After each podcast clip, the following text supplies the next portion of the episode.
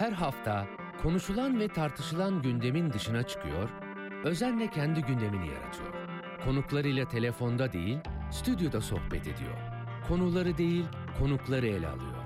Laf lafı açıyor, iki saat şarkı arası bile vermeden Serhat Sarı Sözen'in eşsiz sunumuyla akıp gidiyor. Serhat Sarı Sözen'le gündem dışı her pazar saat 16-18 arası RSFM'de.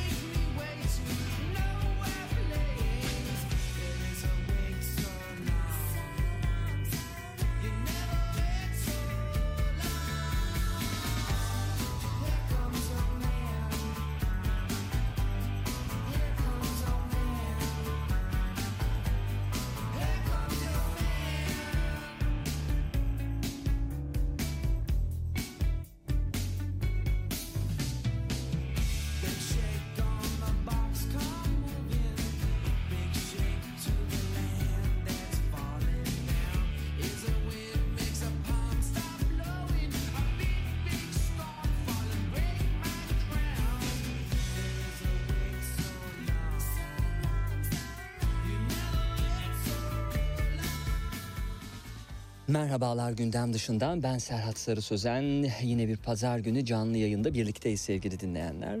Ee, bu hafta ilk stüdyo konuğum e, gazeteci bir e, konuk aynı zamanda yazar. Tabii gazeteci dediğimiz e, insanlar aynı zamanda yazarlar ama edebiyat da yazıyor. E, yapmış olduğu röportajları ve diğer yazılarına ilaveten e, son e, kitabı bir roman, ilk romanı aynı zamanda. Adımı Deniz koydular. E, Demet Cengiz'le konuşacağız. Hoş geldiniz. Hoş bulduk, merhabalar. Ee, sizin size nasılsınız diye usulen soracağım ama e, biraz da böyle e, aslında sağlığınız zor el vermiş olmasına rağmen geldiğinizin farkındayım. Çok teşekkür ediyoruz, sağ olun. Ben beni konuk ettiğiniz için öncelikle çok teşekkür ediyorum. Birazcık e, belim ağrıyor, sağlık sıkıntısı deyince e, telaşlanmasın insanlar. E, basit bir şey diye düşünüyorum. E, büyük bir zevk gerçekten. Tekrar teşekkür ediyorum size. Teşekkür ederiz, sağ olun. Bu arada beşinci baskı kitabınız yapmış değil mi? Doğru görüyorum. E, yedinci baskı Yedinci baskı. geldi. Bende Evet. beşinci baskı var. Tamamdır.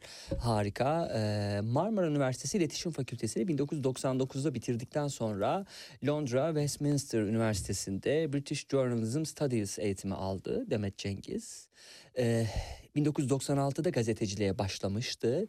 Yeni Günaydın, Global, Business Week, Hürriyet, Sözcü gibi birçok gazete ve dergide çalıştı.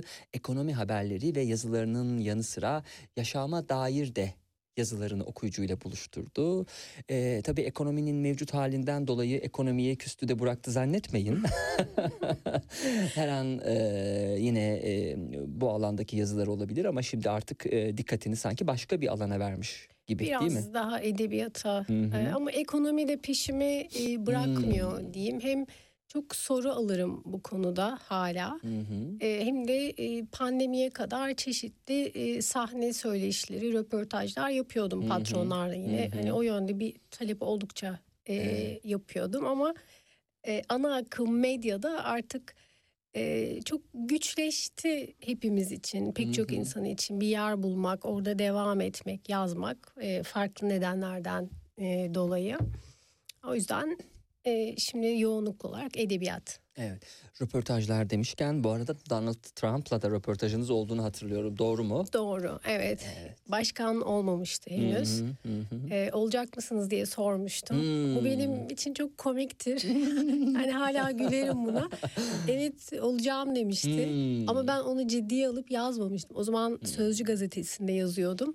Ve sonra aday oldu. Gazetecilik refleksiniz güçlü bir gazetecisiniz ama her Evet. nasılsa bu çok tahmin edilebilir bir şey de değil. Hayır bu bir ancak şey. Simpsonlardı Hmm. dalga geçilecek bir konu olur diye düşündüm ve e, aday oldu ve başkan Hmm. oldu. evet, evet. Ee, patronların DNA'sını çıkaran kitabı Patron Çıplak e, daha önce ilgiyle karşılanmıştı. Yine hayata dair denemelerden oluşan ikinci kitabı Turuncu Yazılarsa 2014 yılında okuyucuyla buluştu. Patronlardan kulağa küpe önerileri, başarının sırlarını, pişmanlık ve şans faktörünün etkisini derlediği kitabı Patronca ise Ocak 2016'da yayınlandı. Tabii Business Week e, demişken işte global demişken ekonomi demişken e, yani e, bu, bu eserleri Demet Cengiz yazmayacak da kim yazacak?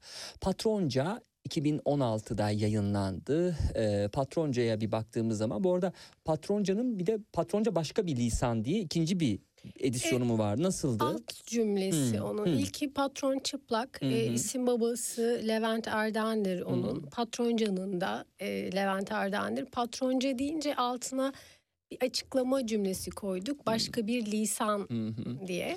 Şimdi bu kitapta siz e, aslında insanların e, kulağına e, öğütler de fısıldamıştınız patronların aracılığıyla. E, buna vesile olmuştunuz daha doğrusu. Paraya, fikirlere ve geleceğe yön veren liderlerden başarının sırları ve kulağa küpe önerilerdi bunlar e, büyük ölçüde ve başarı için şans gerekli mi ve şansa inanıyorlar mıydı? E, dönüp baktığımız zaman patronların o önerileri gerçekten kulağa küpe ve gerçekleşen öneriler miydi? Türkiye'nin değişen konjonktüründe ve değişen iktisadi yapısı içerisinde. Şimdi ben buna cevap vermeden önce bir önceki kitapla başlamak Hmm, istiyorum. peki, lütfen. Patron e, çıplakla o patronların DNA'sını çıkarmak dedikleri iş dışındaki hayatlarını. Kim bu insanlar? Ne yerler, ne içerler, hobileri, sporları, e, kariyerleri, çocukken ne olmak istediği, ne oldu gibi bunları sormuştum. Onlar da cevap vermişti. E, sonra e, çok nadiren bazı okurlar dedi ki ya bunlar mükemmeli anlatıyor kendilerini anlatmıyorlar diye. Çünkü çok büyük oranda çok erken kalkıyorlar. Herkes çok disiplinli, herkes sağlığına Hmm. çok dikkat ediyor. Ee, bir de tabii komik e, yanıtlar oluyordu. İşte otomobille ilgili bir bölüm de vardı. Otomobillere düşkün müsünüz? Hayır diyor ama 20 tane otomobili var. Yani düşkünlük ve e, adetsel olarak kaç tane otomobile sahip olduğu bile değişebiliyor. Hı hı. Ee, ben de şöyle demiştim. Ben gazeteciyim, dedektif değilim. Yani beyana dayanan bir röportaj yapıyorum, soru soruyorum, aldığım cevabı yazıyorum. Patron, e, patronca kitabı ise patron çıplak kitabı ile ilgili yaptığım imza günleri, sohbetlerde hep bana gelen sorulardı. Hmm.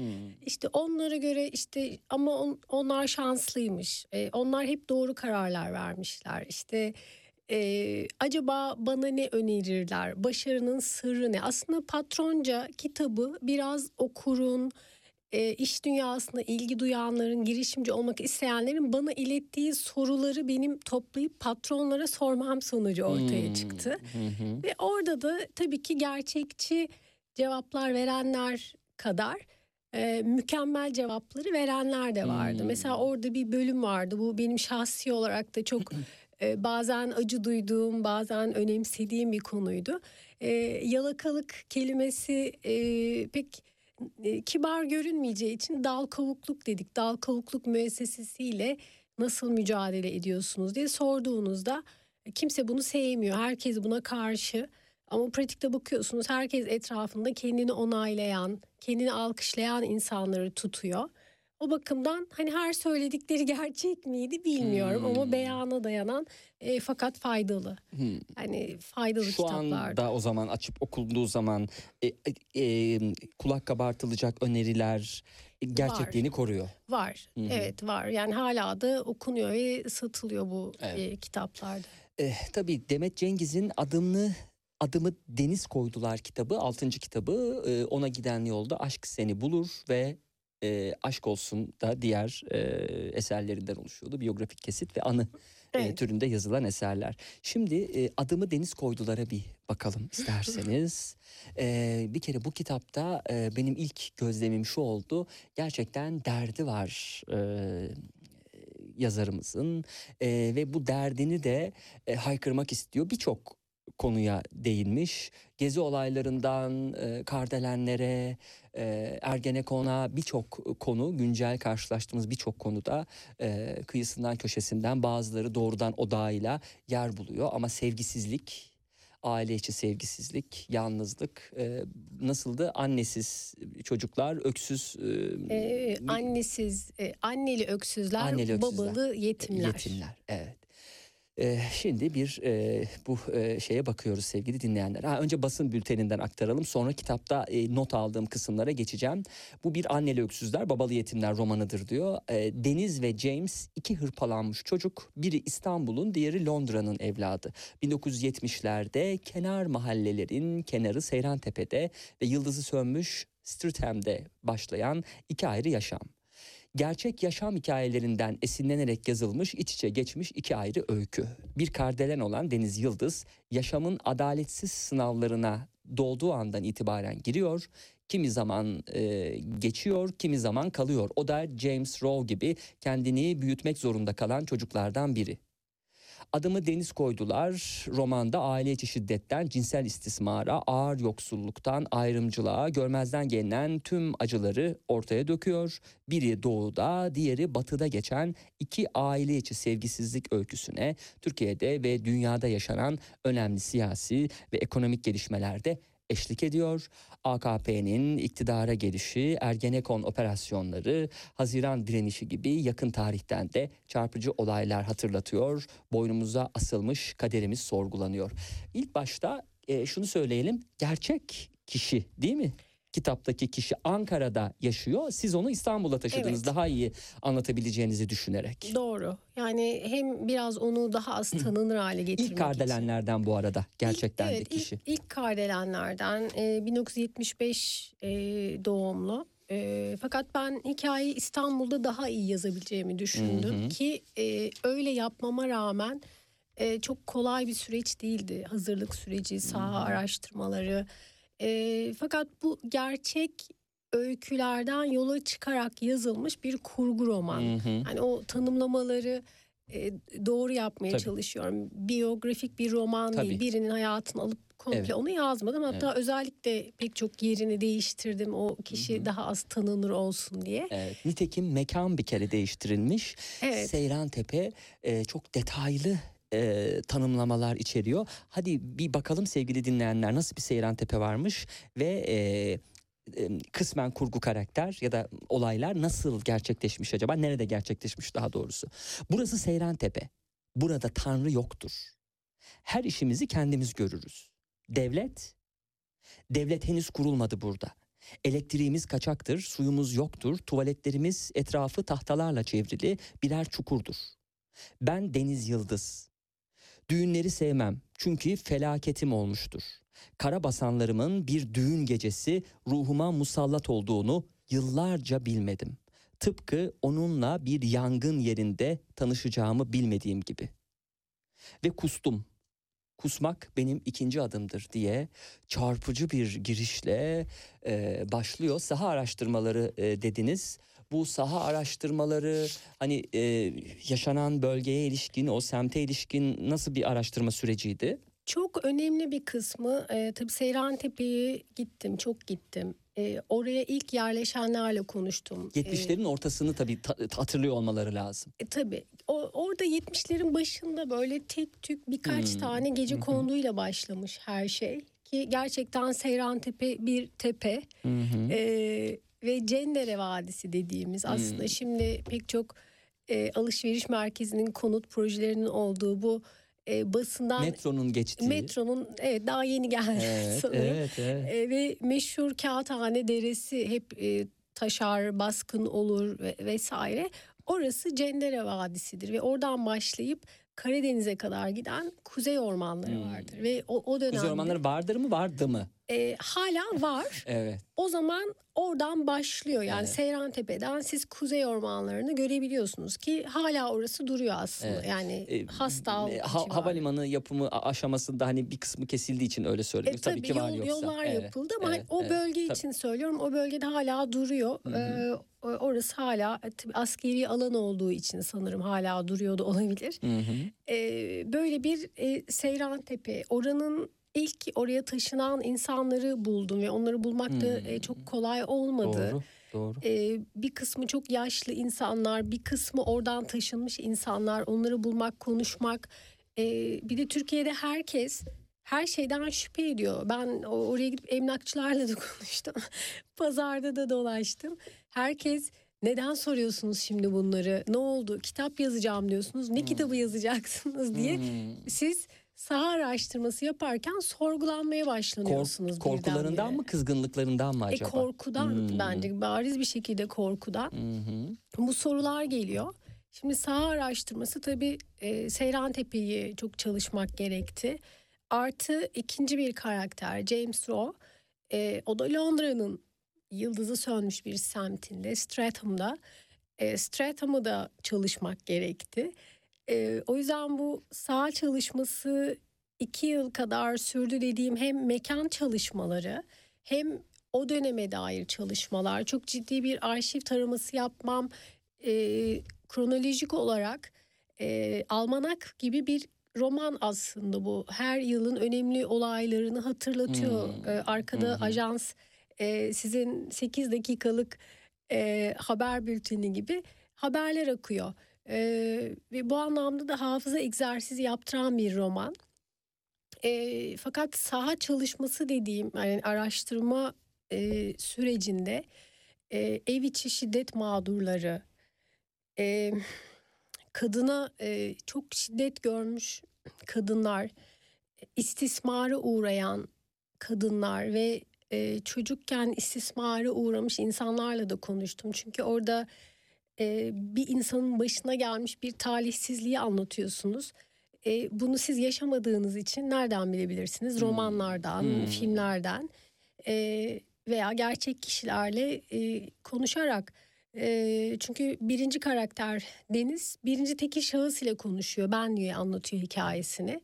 Lütfen burada un şey e, Tabii sizi ki. e, şey yapalım birazcık dinlendirmiş olalım. Çünkü denizin doğumuna da geçeceğiz. Sonra yaşa nasıl bir ortamda yaşadığını ama İstanbul'u merak ediyorum işin açığı. O dönemler nasılmış diye. Hacı Osman'dan başlayıp Mecidiyeköy'e kadar kırvıla kırvıla uzanan Büyükdere Caddesi, Boğaz'dan yükselen tepeleri zirvede bıçak gibi keser. Doğusunu zenginlere, batısını fakirlere pay ederdi. Caddenin doğu tarafında fabrikaların bacaları tüter, işçilerin yaşadığı yoksul, sanayi, Çeliktepe, Gültepe gibi mahalleler kağıthaneye doğru inerdi. Bayburt, Gümüşhane, Erzurum, Rize ve Trabzon'dan göç edenlerin yaptığı kaçak gece kondularla bu mahalleler 1960'larda şekillenmeye başlamıştı. 12 Eylül 1980 askeri darbesi öncesi polisin üniformasıyla girmeye çekindiği tekin olmayan semtlerdi.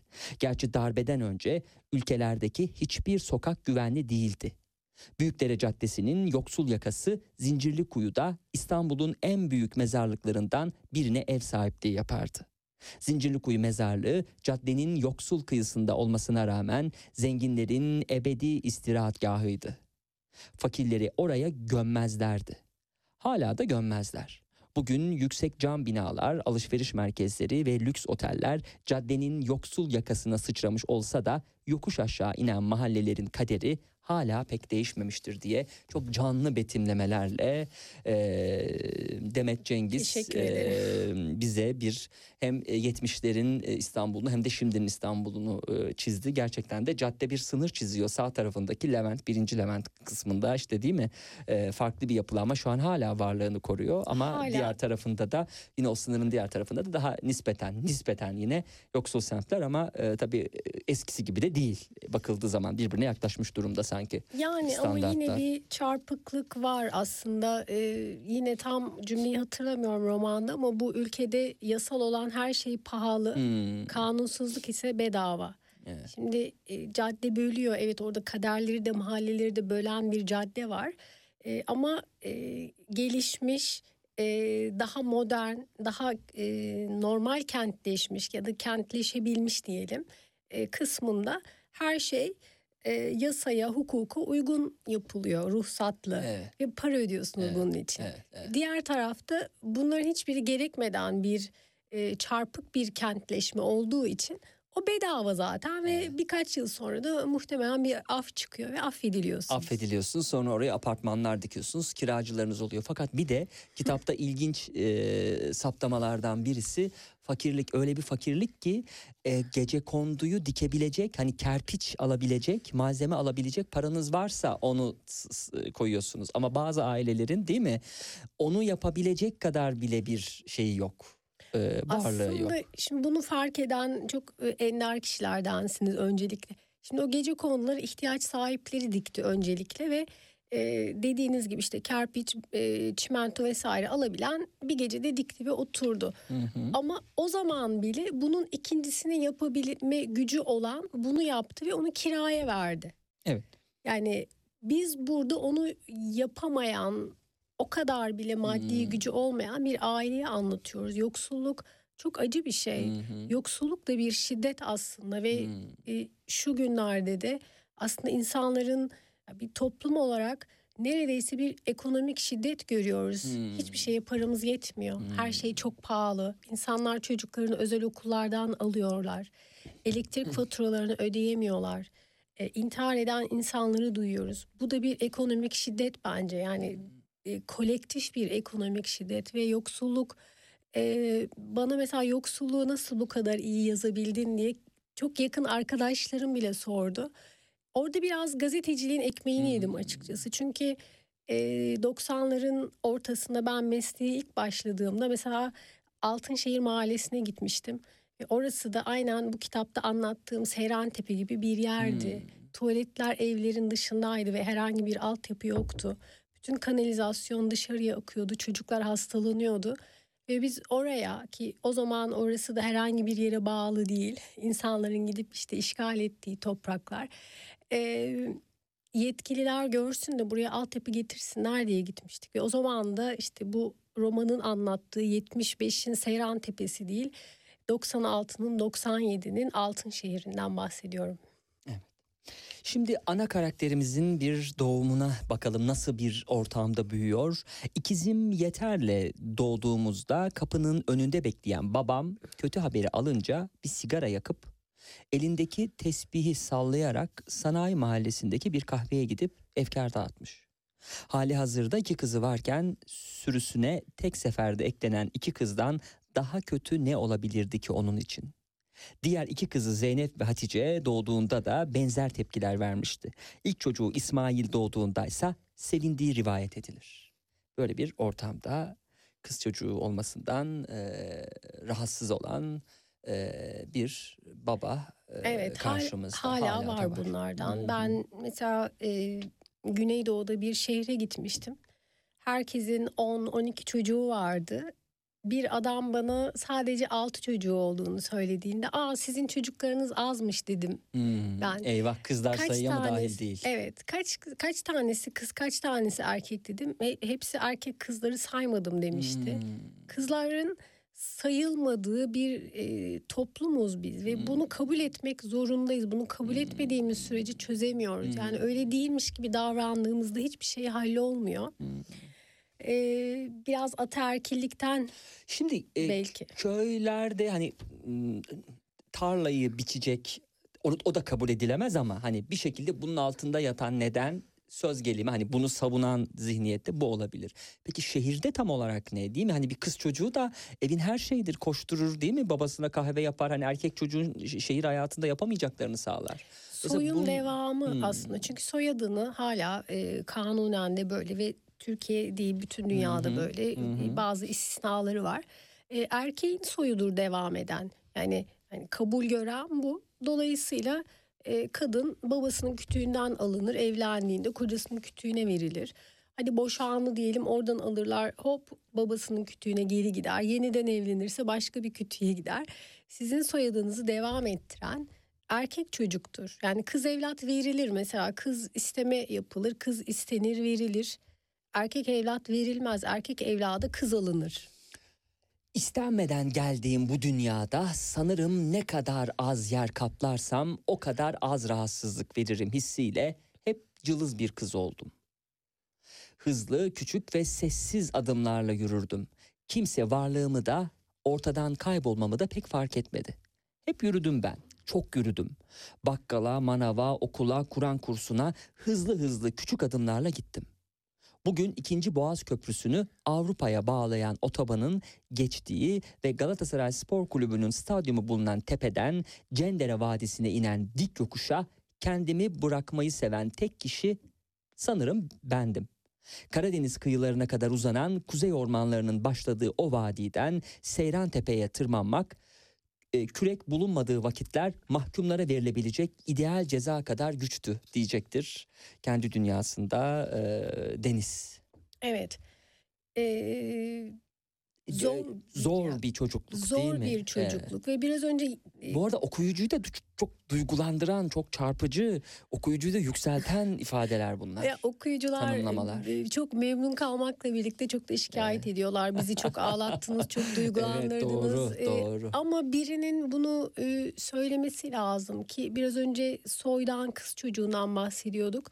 İkiz doğuyor ve normal doğana yeter ismini veriyor baba. Hmm. E, ne kadar üzücü bir şey. O yeter olmak hiç kolay bir şey değil Hmm. hayatta. Diğeri çok cılız ve o ölecek diye ona bir isim dahi koyma tenezzülünde bulunmayan bir aile var orada. Hı. Müthiş bir e, sevgisizlik. Sevgisizlik. evet. Ve kitabın ismi oradan geliyor aslında. Adımı Deniz koydular.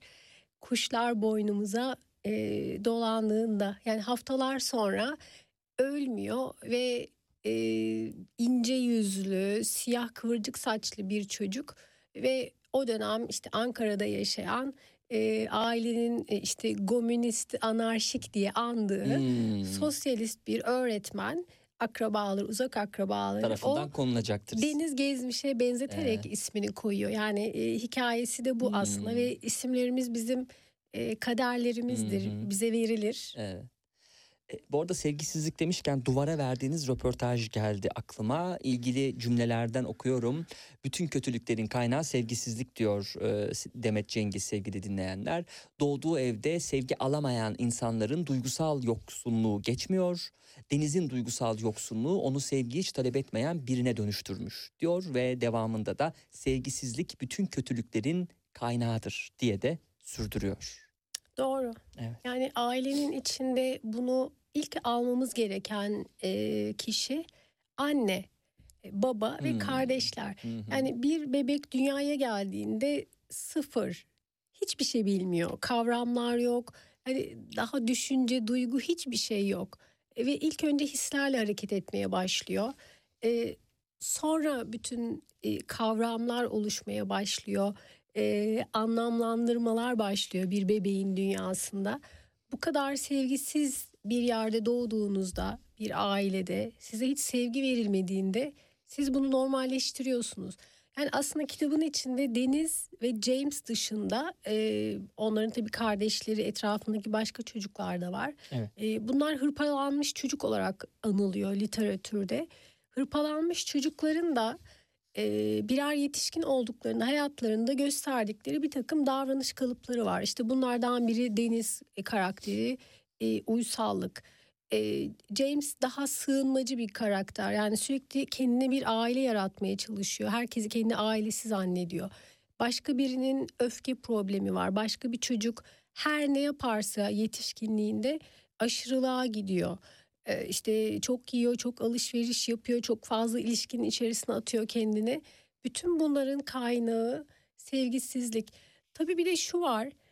E, çocuk konusunda e, bu kadına şiddet e, çok önemli bir kapı. Yani kadının şiddet gördüğü bir evde oluyor bunlar. Hı hı. Yani bir kadın şiddet görmüyorsa e, ki bu duygusal, e, psikolojik, e, ekonomik ve fiziksel olabilir. E, kadına şiddet çok önemli bir kapı. O açıldıktan sonra zaten işte çocuğa şiddet, istismar, ensest başlıyor.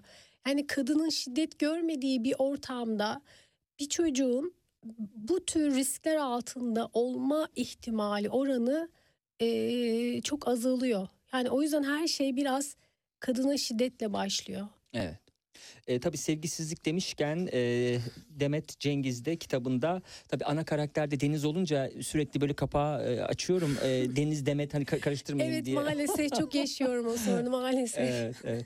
E, bu arada e, sevgisizliğin bir diğer boyutu e, e, erkek evlada yapılan sevgisizliği de e, James başlıklarında e, görüyoruz paralel devam eden hikayede İngiltere'de doğan James'i anne ve babası tarafından sevilmeyen hatta daha küçük bir çocukken kız kardeşiyle birlikte evden kapı dışarı edilen, tek başına hayatta tutunmayı öğrenmek durumunda kalan James'in de hikayesi paralel biçimde devam ediyor. İlerleyen sayfalarda belki yolları kesişir. Hani söyler misiniz bilmiyorum dinleyici hani ne olacağını ama e, o da ayrı bir e, konu tabii. Yani değil mi? James de acaba e, yollarını kesiştirecek mi? Onu Bu, siz isterseniz e, söyleyebilirsiniz. Ben ya bunu söylemek istemiyorum çünkü tamam, bütün hay, okuma hay. keyfi oradan geliyor. Tabii. Çünkü hep acaba bu ikisi karşılaşacak mı? Hmm, ben neden aynen. bu iki, iki hikayeyi okuyorum diye okuyor okur.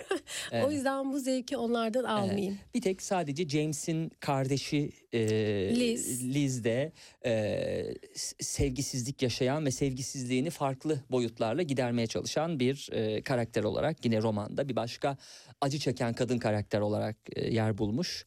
E, ama o da e, bu sevgisizliği farklı şekilde, farklı şekillerde atlatmaya çalışıyor. Başka türlü semptomlar gösteriyor. Yani Hı-hı. bu biraz şey gibi hayattaki her şey için geçerli aslında. Yani bir ilaç alıyorsunuz. O ilacın etkileri var. Ama her bünyedeki etkileri farklı. Ve o ilacın bir de yan etkileri var. O yan etkiler de her bünyede farklı. Ee, aslında iki ayrı ana karakter olmasının en önemli nedeni e, Deniz doğudan bir hikaye İstanbul'da e, yaşıyor. James e, Londra'da e, ve bunun aslında her coğrafyada olabileceğini biraz göstermeye çalışıyor bu roman. Doğuda da batıda da farklı şekillerde çocuklar ihmal ediliyor, istismar ediliyor hmm. ve şiddet görüyorlar. Hmm. Hani e, bu sadece bizim sorunumuz değil, Türkiye'nin sorunu değil. E, dünyanın pek çok yerinde çocuk işçiler var. Çocuk seks işçileri var. Hmm. Ve bunların e, ticareti yapılıyor ve bunların e, alıcısı var ne yazık hmm. ki. E, dolayısıyla buna küresel bir sorun gibi bakmamız gerekiyor. Hmm. Peki oranlara bakıldığı zaman Türkiye'de acaba bir tık e, özellikle e, tecavüzcüsüyle evlendirilen kadınların oranı acaba daha mı fazla Türkiye'de ne dersiniz? Aynı mı oranlar? Yok oranlar globalde? aynı değil. Yani Hı-hı. bölgesel farklılıklar, e, kültür, din, e, geleneklerle e, çok doğru orantılı. Hı hı. E, dünyanın e, ne yazık ki bizim gibi daha talihsiz yerlerinde bu hı. bir çözüm önerisi olarak getiriliyor. Bir kadının tecavüzcüsüyle evlendirilmesi e, ki bizde bunu dile getiren E, siyasi figürler oldu belediye başkanları. Hı hı. E, Dini figürler, siyasi figürler. Yani tabii, tabii. hepsi ve bu tecavüz dediğiniz şey bir insanın e, kadın erkek veya çocuk veya bir hayvan e, e, fiziksel bütünlüğünün bozulmasına yönelik bir saldırı, bir işgal. Hı hı. Ve bunu yapan kişiye siz bir ödül veriyorsunuz ve mağduru ömür boyu tecavüzüyle yaşamaya mecbur bırakıyorsunuz. Yani e, bu kitabın içinde bu da var Hı-hı. ve hiçbir fikrimiz var mı? Acaba böyle bir kadın ömrünü nasıl sürdürüyor? Hı-hı. Her günü nasıl geçiyor bu insanın?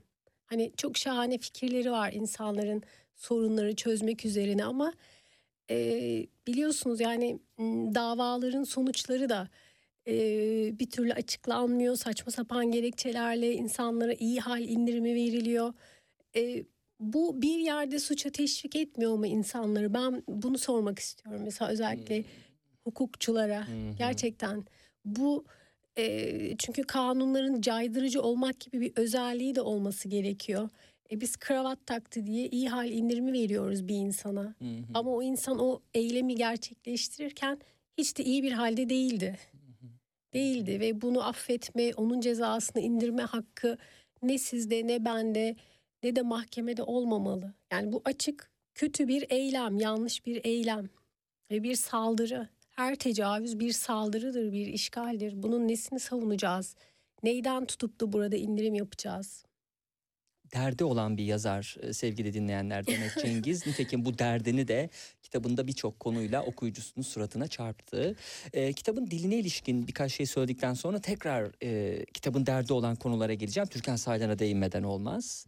E, hiç şüphesiz. E, burada e, James'in kısımlarına baktığımız zaman ikinci tekil şahıs olarak kaleme alındığını görüyoruz. Değil mi? E, annenin diye başlayan e, cümleler var mesela. Ama e, Deniz'in cümleleri daha farklı. Deniz ben diye konuşuyor. Hı hı. E, şimdi bu romanın... İzninizle ne demek istediğimi dinleyiciye de örnekleyeyim. 41. sayfanın tamam. ilk paragrafından oku, okuduğumuzda ne demek yani e, bu farklı olması dilin. Annenin senden nefret ediyorum Andrew. Nefret ediyorum çığlıklarını duydun tek odalı evinizde kül tablaları, yemek masasının üzerindeki kalemler, defterler havada uçuşmaya başladı. Mutfak tezgahının üstündeki metal tabakları ve ekmek sepetini ele geçiren annen onları da birer silah olarak kullanmaktan çekinmedi gibi örnekleyebiliriz. Evet. Ee, şimdi Deniz kendi hikayesini anlatıyor. Birinci tekil şahıs e, ben diliyle ben geldim gittim doğdum gibi e, James ise e, James'e aslında James'in hikayesi anlatılıyor. E, sen dilini ikinci tekil şahısı konuşma ve yazı dilinde çok kullanmayız aslında. Hı hı. En çok da kutsal kitaplarda rastlarız. Yani Tanrı peygamberleri öyle seslenir. Sen evet. işte benim elçimsin gibi. Ee, çok bunu okumaya ve duymaya aslında e, yatkın değiliz. Ama bu iç içe geçmiş iki ayrı roman gibi olduğu için e, dillerini ayırmaya karar verdim. Hı hı. E, tabii Deniz'inki daha kolay oldu. Birinci tekil şahıs yazmak her zaman çok kolaydır. Ama ikinci tekil şahısta açıkçası biraz e, zorlandım. O çok kolay olmadı ama onu sen diye e, anlattım ki e, bundan sonraki romanlarda artık üçüncü tekil şahıs diline geçeceğim. Hmm. O diye anlatacağım hmm. ki gerçek yazar dili de e, odur. üçüncü tekil şahıs. Ama sen dili e, deneysel olarak bu dilde o ikinci tekil şahıs anlatım ile yazılan e, pek çok romanda vardır. Evet yazınıza da zaten metinlere de renk katmış e, bu evet. sen dili. Ee, ve iki ayrı öyküyü biraz ayrıştırıyor anlatım açısından da o yüzden faydalı olduğunu düşündüm. Evet tabii dönemin e, siyasi durumuna da bir bakalım isterseniz. Yıl 1987 idi. Birinci Özal e, hükümeti hala görevdeydi. Daha önce komünist modele yakın e, kapalılıkta yönetilen ülke ekonomisi yabancılara da açılmıştı diye e, yer yer ülkenin durumunun da özetlendiğini görüyoruz. Türkan Saylan'la tanışacak. Türkan Saylan'la tanışması birçok e, e, ekonomik durumu yetersiz olan e, kız çocuğunun hayatına nasıl aydınlattıysa, ışık tuttuysa Deniz'in de e, hayatı yine Türkan Saylan'ın e, o yaktığı ışıkla birlikte aydınlanacak e, ve bir hukuk eğitimi görecek Deniz. Evet. E, biraz da bu e, ilk tanışmalarına isterseniz e, Türkan Saylan'la e, geçelim. Ne dersiniz? Ee, şimdi, İclal değil mi? İclal ablası İclal tanıştıracak. Ablası. İclal ablasının özelliği ne? E, şehir dışından okumak için geldiği zaman e, Seyrantepe'deki e, işte denizin ailesinin gece, gece kondusunda kalıyor. kalıyor ve bu sayede e, bir e, network oluşmuş oluyor. Türkan Saylan'la tanışması anlamında. Evet e, İclal abla Denizler'in evinde o, o sıra gece konuda değiller ama apartmana taşındıkları e, evet. dönemde e, İclal abla okumaya geliyor üniversite öğrencisi olarak. Çünkü babası hapiste e, 80 darbesi sonrası hapse atılanlardan biri.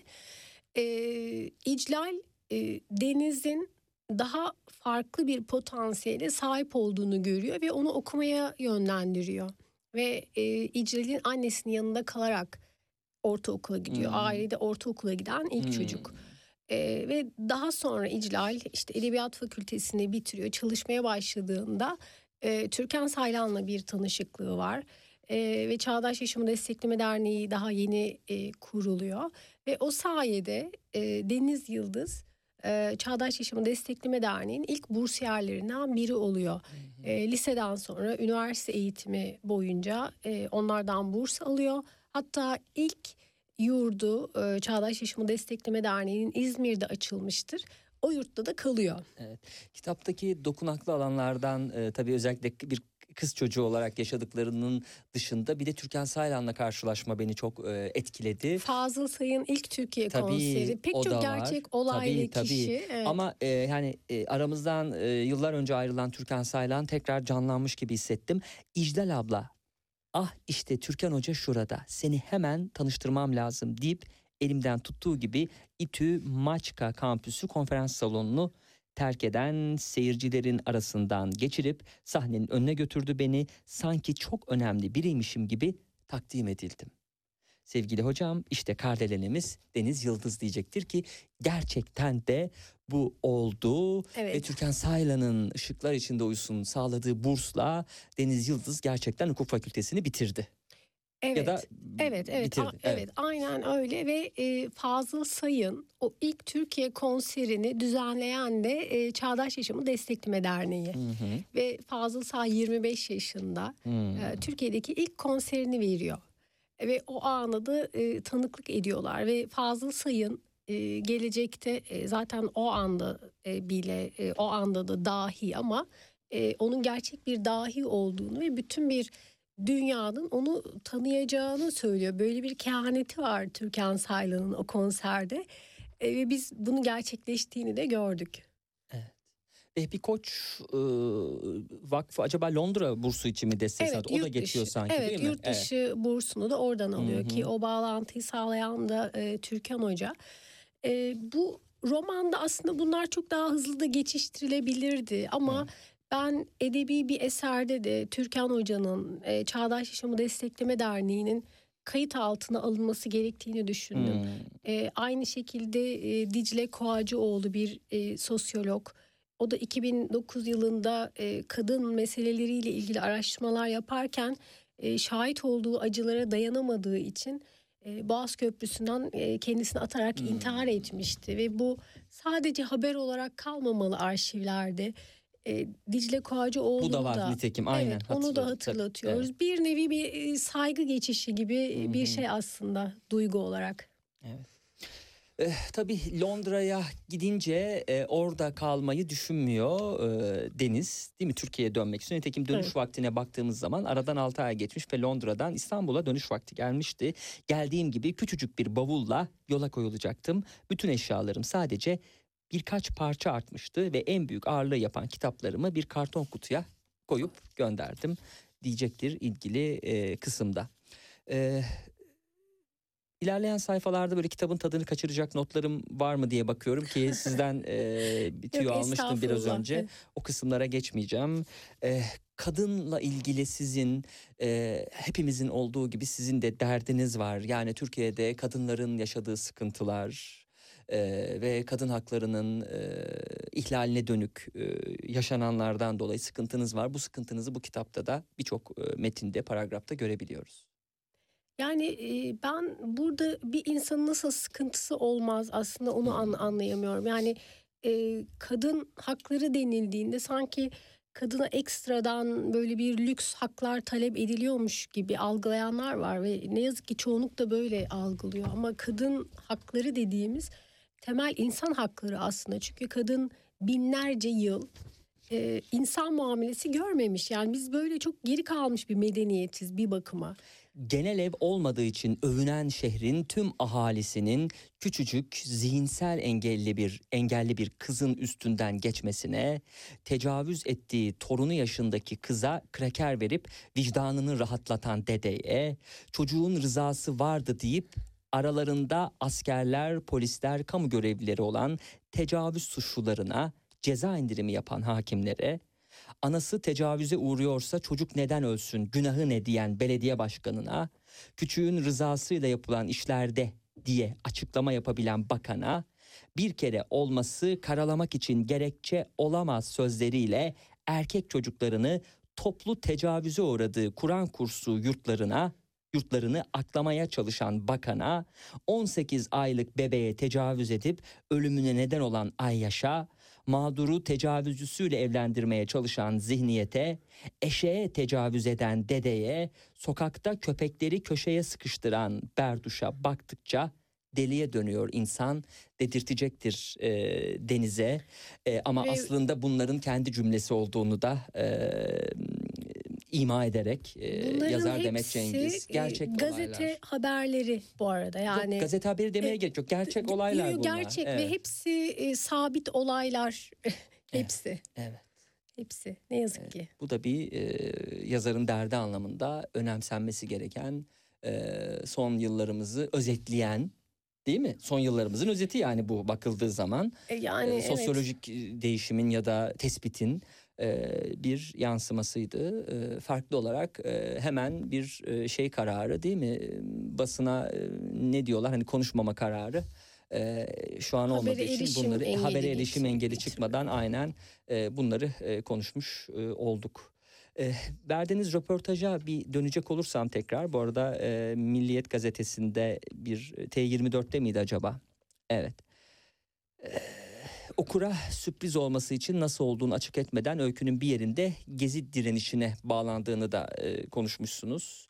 Aslında roman tam da gezi direnişinin e, Aslında onun e, göbeğinden, göbeğinden. bildiriyor. evet Gezinin göbeğinden e, bildiriyor. E, o da çok önemli bir e, halk hareketiydi aslında. Belki Türkiye'deki ilk ve tek halk hareketi olabilir. E, Osmanlı'da olduğu kadar bile Türkiye Cumhuriyeti'nde e, halk hareketi e, göremiyoruz. E, ve Gezi dünyanın en şık halk eylemidir. E, hala böyle düşünüyorum. O e, çöpleri toplayan çocuklar, e, birbirine yardım eden insanlar ve e, talepleri de son derece e, insani bir talepleri vardı. Buraya alışveriş merkezi yapılmasın, ağaçları kesmeyin, bizim parka ihtiyacımız var. Bu kadar basit bir nedeni vardı Gezi'nin. Hicran Tülüce, bu arada ben de tam gezi olunca böyle konuyu değiştiren yayıncı gibi olmayayım sevgili dinleyenler. Ee, programın sonuna geldiğimiz için bunu söylüyorum. Ee, geçtiğimiz haftalarda programımıza konuk olmuştu. Şeytan Terapiste Gittiğinde adlı e, kitabıyla kötülüğü kendi eline alan insan karşısında bunalıma giren şeytan çareyi Freud, Jung, e, Frankel'la arasındaki e, diyaloglara e, bağlıyor ve şeytanın en büyük hilesi bizi var olmadığına inandırmasıdır göndermesiyle e, şeytanın yeryüzüne inmesi durumunda e, nasıl diyaloglar geçeceğini e, bize Hicran Tülüce e, şeytan terapiste gittiğinde adlı eserinde yazmıştı. Bunu size hediye etmek istiyoruz. Çok teşekkür ediyorum. Evet Demet Cengiz de e, bize zaten kitabını göndermişti ve yeni hazırlanmak için okumuştum. Ee, yine o da e, üç kitabıyla gelmiş. Ben de konuklarıma yine farklı zamanlarda e, armağan edeceğim. Hem de kulaklarını çınlatmış olacağım. Çok teşekkür Ee, ediyorum. Demet Cengiz'in programın sonuna geldik. Var mı son olarak söyleyeceğiniz bir şey? Ha bu arada biraz önce şey demiştiniz. Ee, yeni çalışıcı, yeni yazdığım e, kitapta artık üçüncü teki şahıs olarak e, yazıyorum. E, ne var şu an e, yazmakta olduğunuz ya da proje olarak? Henüz başlamadım ama bu aslında deniz, e, nehir ve göl olarak bir üçleme olacak Hmm. ve e, konu tema olarak e, aynı e, konu yani aile içi sevgisizlik ve bunun e, nelere neden olduğu. Adımı deniz koydular. Sonraki kitap nehirli bir isim. E, ondan sonraki de göl. Yani Hmm. suyun üç formu deniz, nehir, göl diye. Onlar da e, artık hep e, üçüncü tekil şahıs dilini e, kullanacağım. E, bu arada e, T24'teki e, eleştiride e, kitap e, kritiğinde her şeyin eleştirisi demişlerdi bu roman için. E, siz de birkaç kez derdi olan bir yazar dediniz. E, benim çağrım da insanlara gerçekten dertlenelim. Hmm. Hep beraber dertlenelim ki bu sorunları çözelim. Yoksa hı. sadece bir iki kişinin dertlenmesiyle bu sorunlar çözülmüyor. bir gazeteci Demet Cengiz e, yıllarca e, önemli yerlerde çalıştı. Şimdi yönünü edebiyata döndü. E, altıncı kitabı olmakla birlikte ilk romanı olması ve üçlemenin ilk kitabı olması sebebiyle adımı Deniz koydular. E, özel bir yere sahipti. İnkılap yayınlarından çıktı. Teşekkür ederiz geldiğiniz için sağ olun. Ben, ben çok teşekkür ediyorum size gerçekten. Ee, çok çok sağ olun, var olun. Siz de öyle. 17 haberlerine bağlanacağız. Dakikalar içerisinde 17 haberlerini Selin Yazıcı'dan alacağız. 17'de ise programın ikinci kısmında bu defa yönümüzü edebiyat dışında başka bir mecraya çevireceğiz.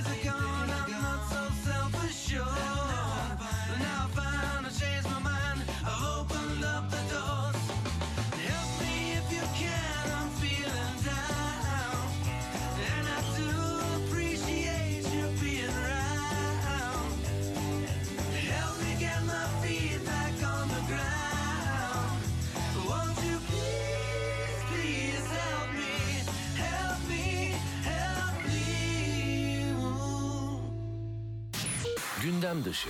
Mutluluk danışmanısınız bir de aynı zamanda. Çok güzel işler yapıyorsunuz Türkiye'de. Ne kadar güzel mutluluk danışmanlığı için size geliniyor. Mesela kimler geliyor daha ziyade size? Mutsuz çiftler mi geliyor yoksa e, yalnız kişiler mi geliyor? Belki 14 Şubat'a doğru e, ne olacak benim bu mutsuzluğumun hali falan diyenler mi geliyor? Kimdir e, genelde gelen hedef kitle? Ben kurumlara mutluluk danışmanlığı yapıyorum. E, Kurumlarda kurumlar da önce az ücret verip insanlara mutsuz edip sonra da size mi danışıyorlar nasıl mutlu edeceğiz bunları diye. Gündem dışı.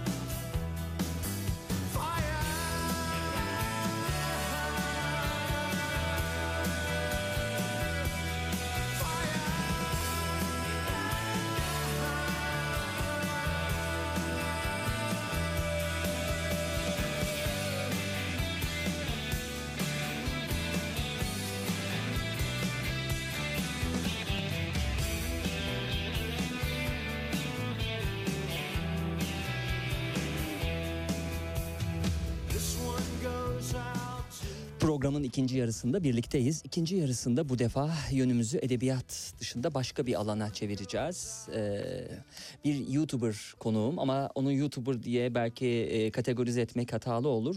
Çünkü sosyal medyanın birçok alanında var. İlişkiler konusunda da uzman bir isim. Gürkan Keçici hoş geldiniz. Hoş bulduk. Çok teşekkür ederim. Nasılsınız iyi misiniz? İyiyim. Çok teşekkürler. Sizler nasılsınız? Sağ olun inşallah? teşekkürler. Ee, şimdi tabii YouTube olunca sizin de videolarınız e, konu bazında hazırladığınız metinler e, internette epey e, ilgi görüyor. E, biz de hani bunlara yer yer e, girmek istiyoruz. Tabii. Öncelikle Gürkan Keçici'yi şöyle bir bakalım sevgili dinleyenler. 81 yılında İstanbul'un Fatih semtinde dünyaya geldi.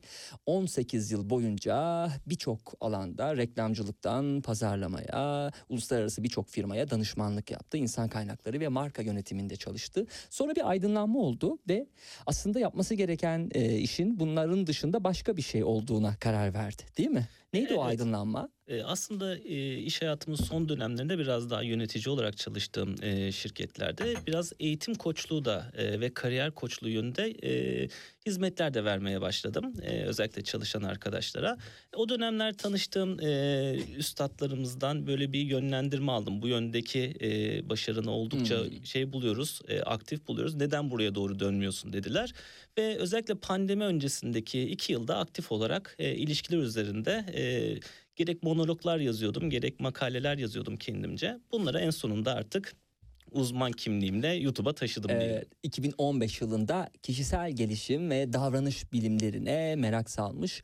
Bu yönde araştırmalara ve söyleşilere katılmış. Bilhassa ilişki mefhumuna yoğunlaşıp makaleler ve monologlar kaleme almaya başlamış. Evet. İşin teorisyeni değilsiniz anladığımız kadarıyla. Pratikte de e, sahip olduğunuz bilgiler sizi e, bu noktaya taşıdı diye Evet. tahmin ediyorum. Aslında tamamen e, yapılan pratikler diyebiliriz öyle de. Çünkü bu işin eğitimi yani çok e, bir yeterli değil aslında. Burada öğrendiğinizi uygulamadan, Evet. gözlemlerinizi iyi bir gözlemci değilseniz hiçbir şey e, aldığınız eğitimler yeterli kalmaz başka deyişle. Hmm.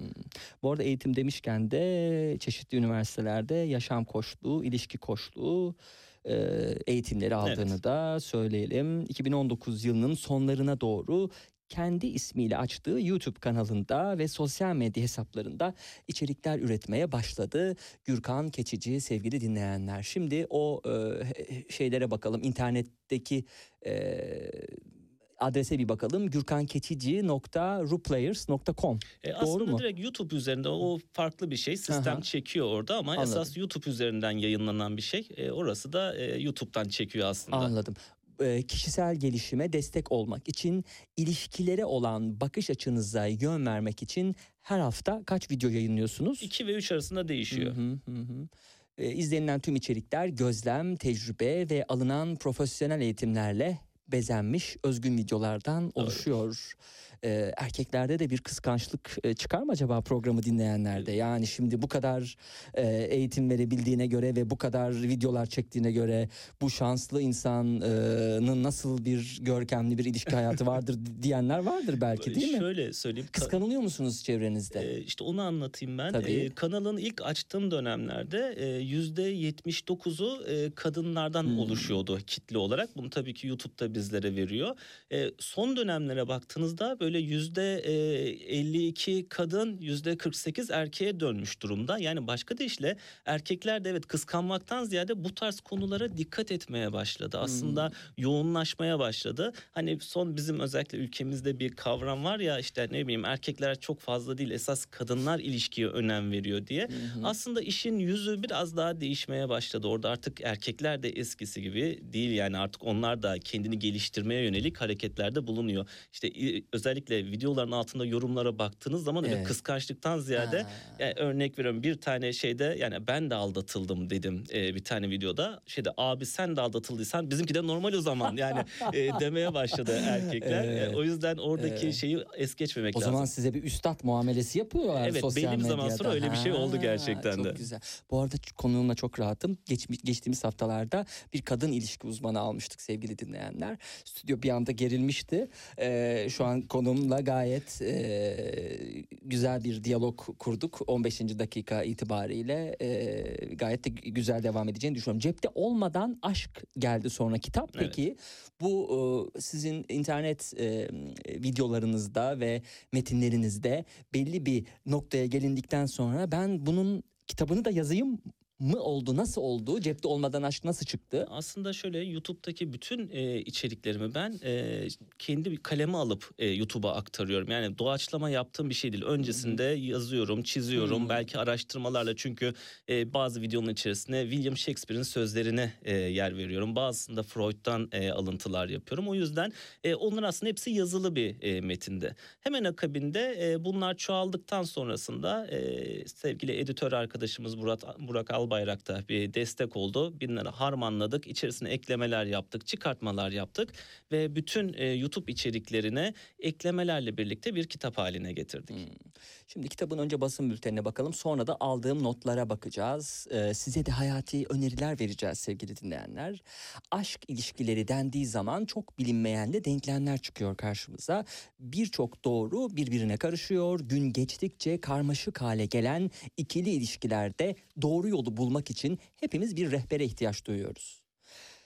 Gürkan Keçici'nin Cepte Olmadan Aşk kitabında da bir ilişkinin başlamadan önceki dönemleri, ilişki içinde yaşanacak evreler ve ilişki sonrasında yaşanacaklarla ilgili 3 ana bölüm bulunuyor. Bu bölümlerde sosyal medya etkilerinin, ilişkilerin ve ayrılık acısının yönetimine yapılan vurguları görüp bakış açınızı değiştirebileceksiniz. Her ilişkinin kendine ait dinamiklerin olacağını unutmadan kişinin kendine olan saygısını ve özgüvenini ön planda tutarak oluşturulmaya çalışılmış birçok maddeyle daha tecrübeli, daha yönetimi kuvvetli ve daha az hata yapan bireyler olma yolunda adımlar sunulacak sizlere.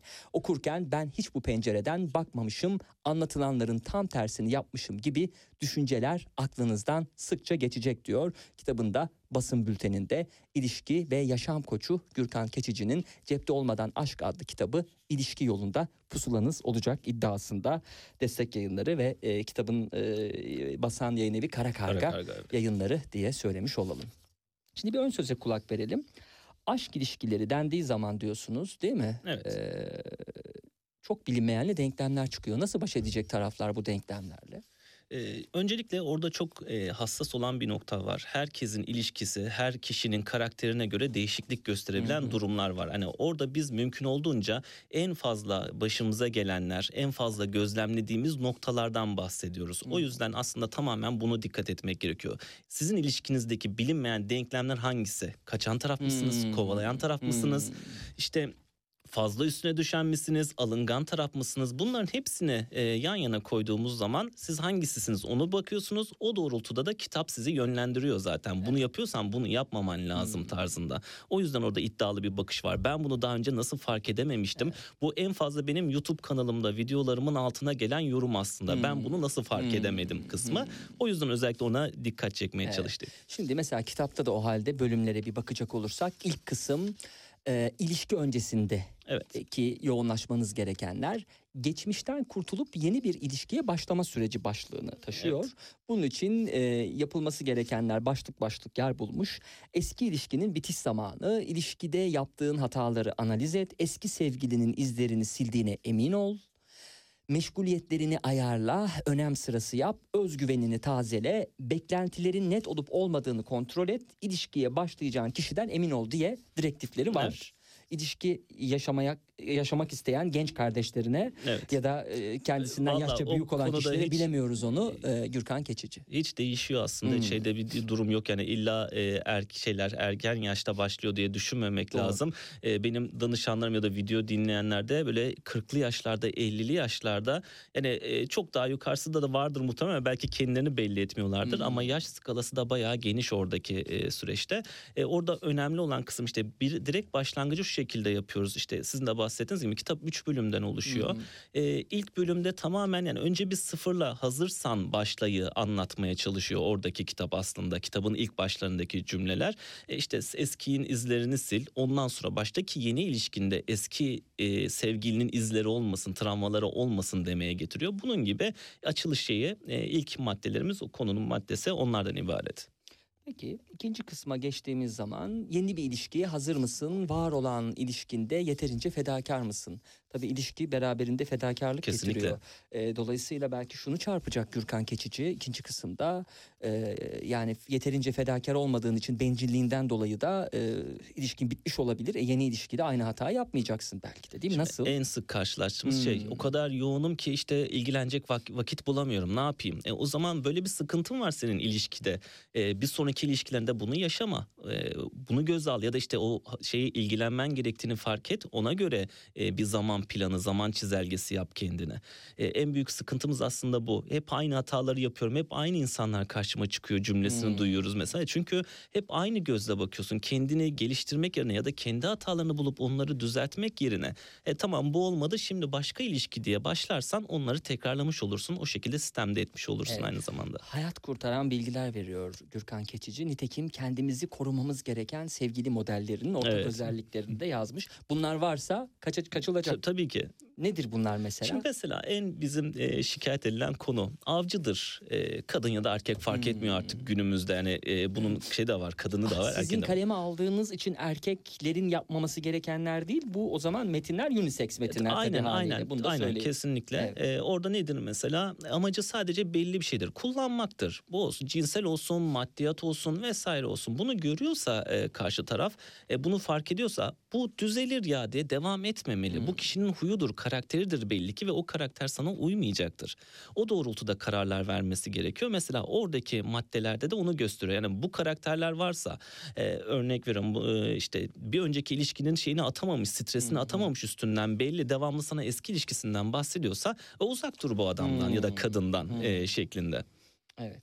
Peki doğru insanın e, bulma sırrı da bu metinler arasında var değil mi? Hı hı. E, ilki inan, kendini tanı, doğrularını belirle, baskıdan kurtul, kendi doğrunu ara, rol yapma, sosyalleş, kendini geliştir, doğru yerlere bak, madde madde e, bunun ipuçlarını da Ke- veriyorsunuz. kesinlikle. Şimdi doğru insan diyoruz. Doğru insanı bilmek için sen ne istiyorsun onu bulman gerekiyor kendinde. Hı hı. E, o yüzden mesela ilk etaplarda kendini tanı diyor e, kitabının maddelerinden bir tanesinde. Sen tanıyacaksın kendini, ne istediğini bileceksin. O doğrultuda sosyalleşeceksin belki.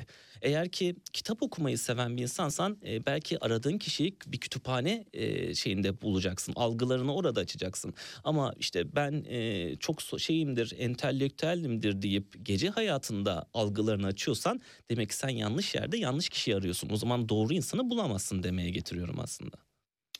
Peki devam ettiğimiz zaman kitabın metinleri arasında e, ve başlıklarda ruh eşini bulmanın yolları da yine ilk bölümünün konularından bir tanesi.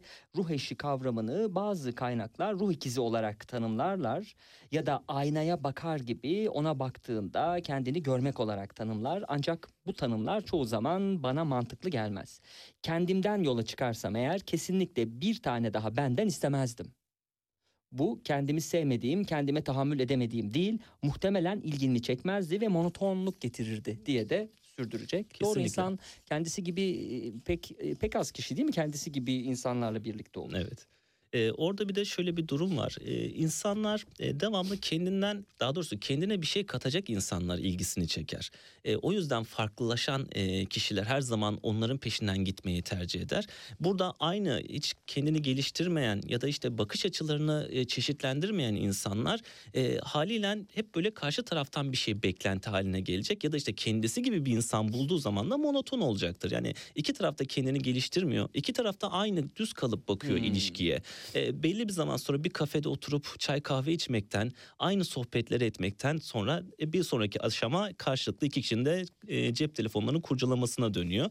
E, o da işte kendin gibi birine tahammül edememekten ortaya çıkıyor. Evet. Şimdi e, gelen sorular da var. Yani tabii soru almıyoruz aslında dinleyicilerden ama e, Gökay yazmış. Kadınların ilişkilerde gerçek hislerini, gizlemelerini kaç yüzyıl sonra aşacağız demiş. Erkekler mi aşacağız olarak sormuş sizce yoksa kadınlar mı aşacaklar bundan vazgeçecekler anlamında. Kadınların ilişkilerde gerçek hislerini gizlemelerini kaç yüz, kaç yüzyıl sonra aşacağız. Danışanlarınız böyle saçma sorular Yok saçma değil mı? Ne- aslında. ne Bu sorunun özelliği şu. Şimdi bizim yani kitapta da onu görüyor. YouTube'da Hmm. izleyince de görüyor. Hmm. Şunu algılıyor insanlar. E, ilişki yapmak için taktik uygulamak zorundayız. Evet. Taktik uygularsak başarılı oluyoruz. Aslında bunlar taktik değil. Yapılması gerekenler. Ha. E, kendine aç e, kendine açmanla ilgili sıkıntı yok. Sen kendini doğru açıyorsan yine aç. Ama daha ilk tanıştığın bir e, adama, kadına da aynı şekilde. Ya ben ölürüm sana, bittim. Al anahtarı, arabanın anahtarını, anahtar teslim senindir artık Hmm. falan diyorsan e, aşmamaya devam etmen lazım Hmm. kendini, saklamaya devam Hmm. etmen lazım demektir. Ama onu yaptıktan sonra çünkü bir sonraki aşama işte kullanılıyor muyum ya da işte Hmm. istediğim alamıyorum, ben değer veriyorum, o değer vermiyor olarak oluyor. O yüzden soru saçma değil. Hmm. Sadece anlamak gerekiyor. Bunlar bir Hmm. Taktik değil ya da kendini gizlemen değil. Hmm. Fazla açmaman ya da yeterli seviyede açmaman belki de öyle düşünmek lazım. Evet.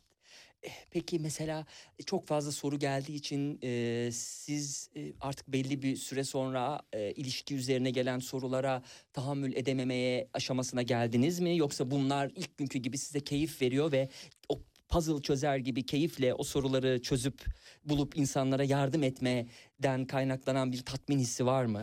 Geçen şöyle bir rağmen. şöyle bir hal geliyor. Ee, bunların hepsi bizzat yaşadığım şeylerden Hmm. bir tanesi. Yani birisi bana geliyor, bana şöyle yaptı dediği zaman aklıma geliyor. Evet bana da öyle yapıyorlardı. Hmm. Ya da işte ben belki de yapıyordum aynısını. Bunu söyleyip e, karşı tarafa doğru yol bu. Yani öyle yaparsan başarısız bir ilişki olur. Bunu yaparsan başarılı olur. E, kısmı seni tatmin ediyor. Özellikle e, genç arkadaşlar denk geldiği zaman bazen mesela danışanlarımdan da denk geliyor. Ya da bir tane e, yorum geliyor. Abi ben işte lise yeni bitirdim. E, işte böyle böyle sıkıntım var vesaire. Ona yardımcı olmak e, inanılmaz bir haz. Çünkü onun e, kendini geliştirmesi, onun bir şey katması demek e, daha güzel ilişkiler yaşaması ve daha mutlu olması gerek. Evet. Çünkü ilişki gerçekten e, özellikle tam Türkiye'de yaşıyorsak nedir? Bir ekonomik durumdur insanın modunu değiştiren. iki ilişkileridir aslında. Hmm. E, ekonomiye bir şey yapamıyoruz malum. Bari e, ilişkilerine yapalım insanların Hmm. umuduyla e, Hmm. cevap veriyorum ya da karşılaştırıyorum. Hmm. Şimdi üç kez bakışma kuralı gibi Gürkan Keçici'nin koyduğu kurallar ya da e, görüp e, uyguladığı ama sonuç olarak kendisinin koyduğu bir takım kurallar var. Bunlara da yer yer kulak vereceğiz. Biriyle nasıl tanışırsın da üç kez bakışma kuralı. Evet. Ee, burada en fazla gelen sorulardan bir tanesi. Hı. Çünkü bizim toplum olarak biraz sıkıntıdayız o konuda. Gerek özgüven konusunda gerek yanlış anlaşılır mıyım e, Hmm. konusunda. Ama hak da var herhalde Kesinlikle, değil mi? kesinlikle yani bugün siz gidin birinin yanına tanışın özellikle bir erkek olarak söylüyorum yani Ha. sen niye geliyorsun diye Ha. cevap da alabilirsin. İşte Evet. orada şunu geliştiriyorsun. Niye böyle yapıyor Türk kadını sizce? Ee, birincisi emin olamıyor. Çevresinden emin olamıyor. Hmm. Karşısındaki ne diye yaklaşıyor Hmm. ondan emin olamıyor. Çok haklı. Yani Hmm. gerçekten çok haklı çünkü yani bir de bir televizyonu açın e, yani az önceki konunuzda Hmm. bahsettiğiniz gibi yani o kadının e, içinde bulunduğu Doğru. psikolojik durumu Medeni bir tanışma değil, değil. sapıkça bir davet de olabilir. Aynen bu. Öyle ya da o, Hmm. o kişi başına ne getirebilir Hmm. ondan sonraki Hmm. kısımda ya da işte Hmm. toplum ne der yan, yan masadaki Hmm. kişi ne der gibi Hmm. düşünceleri oluyor. E, haliyle kendini şey yapması saklaması gayet doğal e, olarak buluyorum. Hmm. Orada hem kadın için geçer hem erkek için geçer. Mesela diyorum ki üç kez bakışma kuralı Hmm. diye bir şey yerleştiriyorum.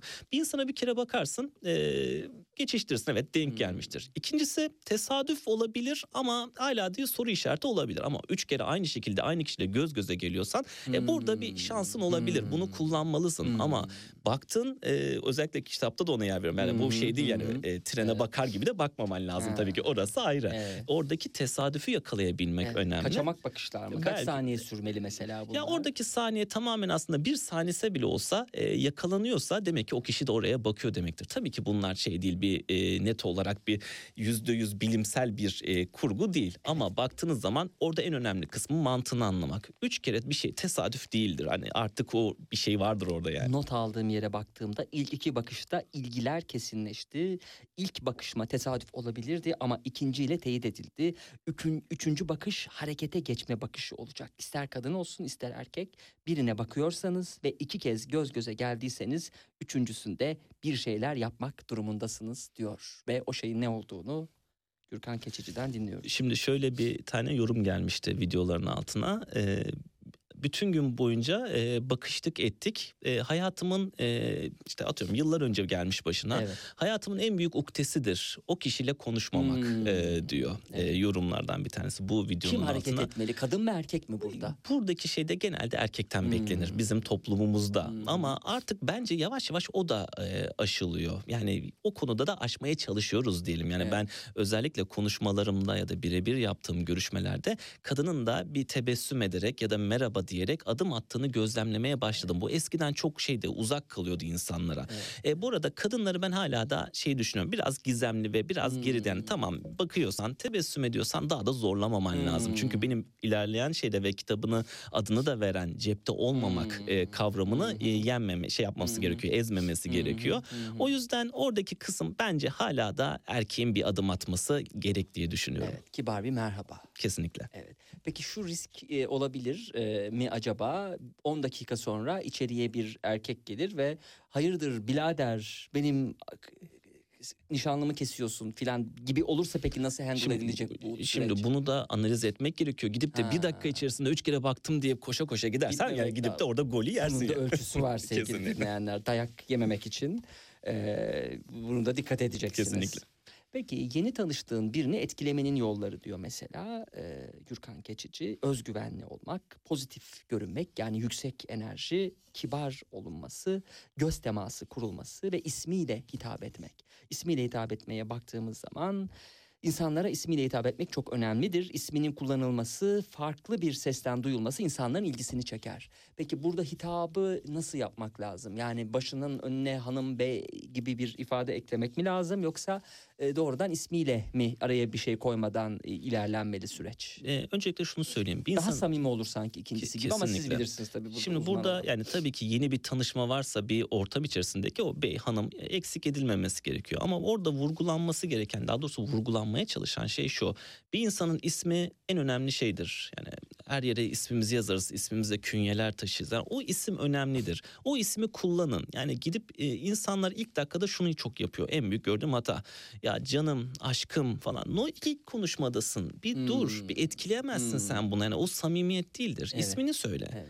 Yani sonuna bey koymuş hiç fark etmez. Yani karşısındaki insana ismiyle hitap etmek, farklı bir sesten onu duymak ve o aslında Ama gerçekten elektriği ilk buluşmada bunu yapanlar da vardır. Var olanlar da bir tabii gerizekalılık var demektir değil mi? Hani aşkım demesi çünkü kolay bir şey değil ya değil Ee, mi? orada işte az önce bahsettiğim gibi bazı şeyleri samimiyet olarak Hmm. algılıyor ama insanlar burada kadın erkek fark etmez. Bir kadından siz erkek de olsanız mesela şimdi erkek olarak bir kadın geldisin size hı. ilk tanışmada e, aşkım dedi dersin ne oluyor yani bu hız ne ne yapıyorsun Evet, sen? Evet. E, nedir beklentin ya da işte farklı bir düşünce Hmm. e, haline girersin. O yüzden çok önemli. İsim bence yeterlidir. Farklı bir şey değil. Özellikle ilk dönemlerde yoğun şekilde kullanmak. Ya bir de tabii ilk başta aşkım denecekse iler, ilişkinin ilerleyen yoğun Nerelere dönemlerinde gider? ne kullanılacak değil mi? Onun tüketildiğine göre bir ya şey bulmak orada lazım. şey de var tabii. Ne ki. kullanılıyor mesela? İlerleyen kısımlarda ne kullanıyor bunu söyleyen kişi? Aşkili bombomu duydum ben. Beybili beybili Peki boylar falan mu? Peki dolaşıyor. soğutmuyor mu bu Valla beni diğer beni soğuturdu. O yüzden zaten bu ilerleyen videolarda çok e, görüyorum. Baby'li boy diyor mesela. Ya ne yapıyorsun?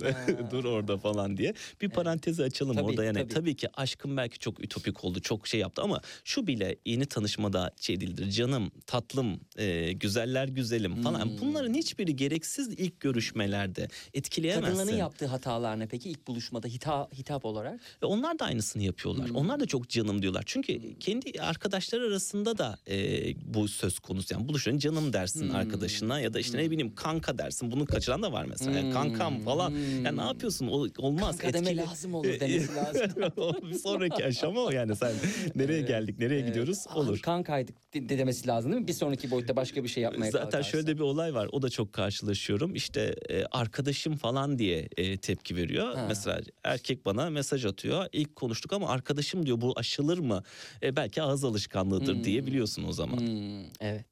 Peki birinin sizinle ilgilendiğini gösteren işaretler neler? Yani düşünüyorsunuz sevgili dinleyenler bir ortamdasınız ve sevdiğiniz, hoşlandığınız kişi de e, diğer tarafta acaba sizinle ilgileniyor mu? İlgilen biraz bunu irdeleyelim isterseniz.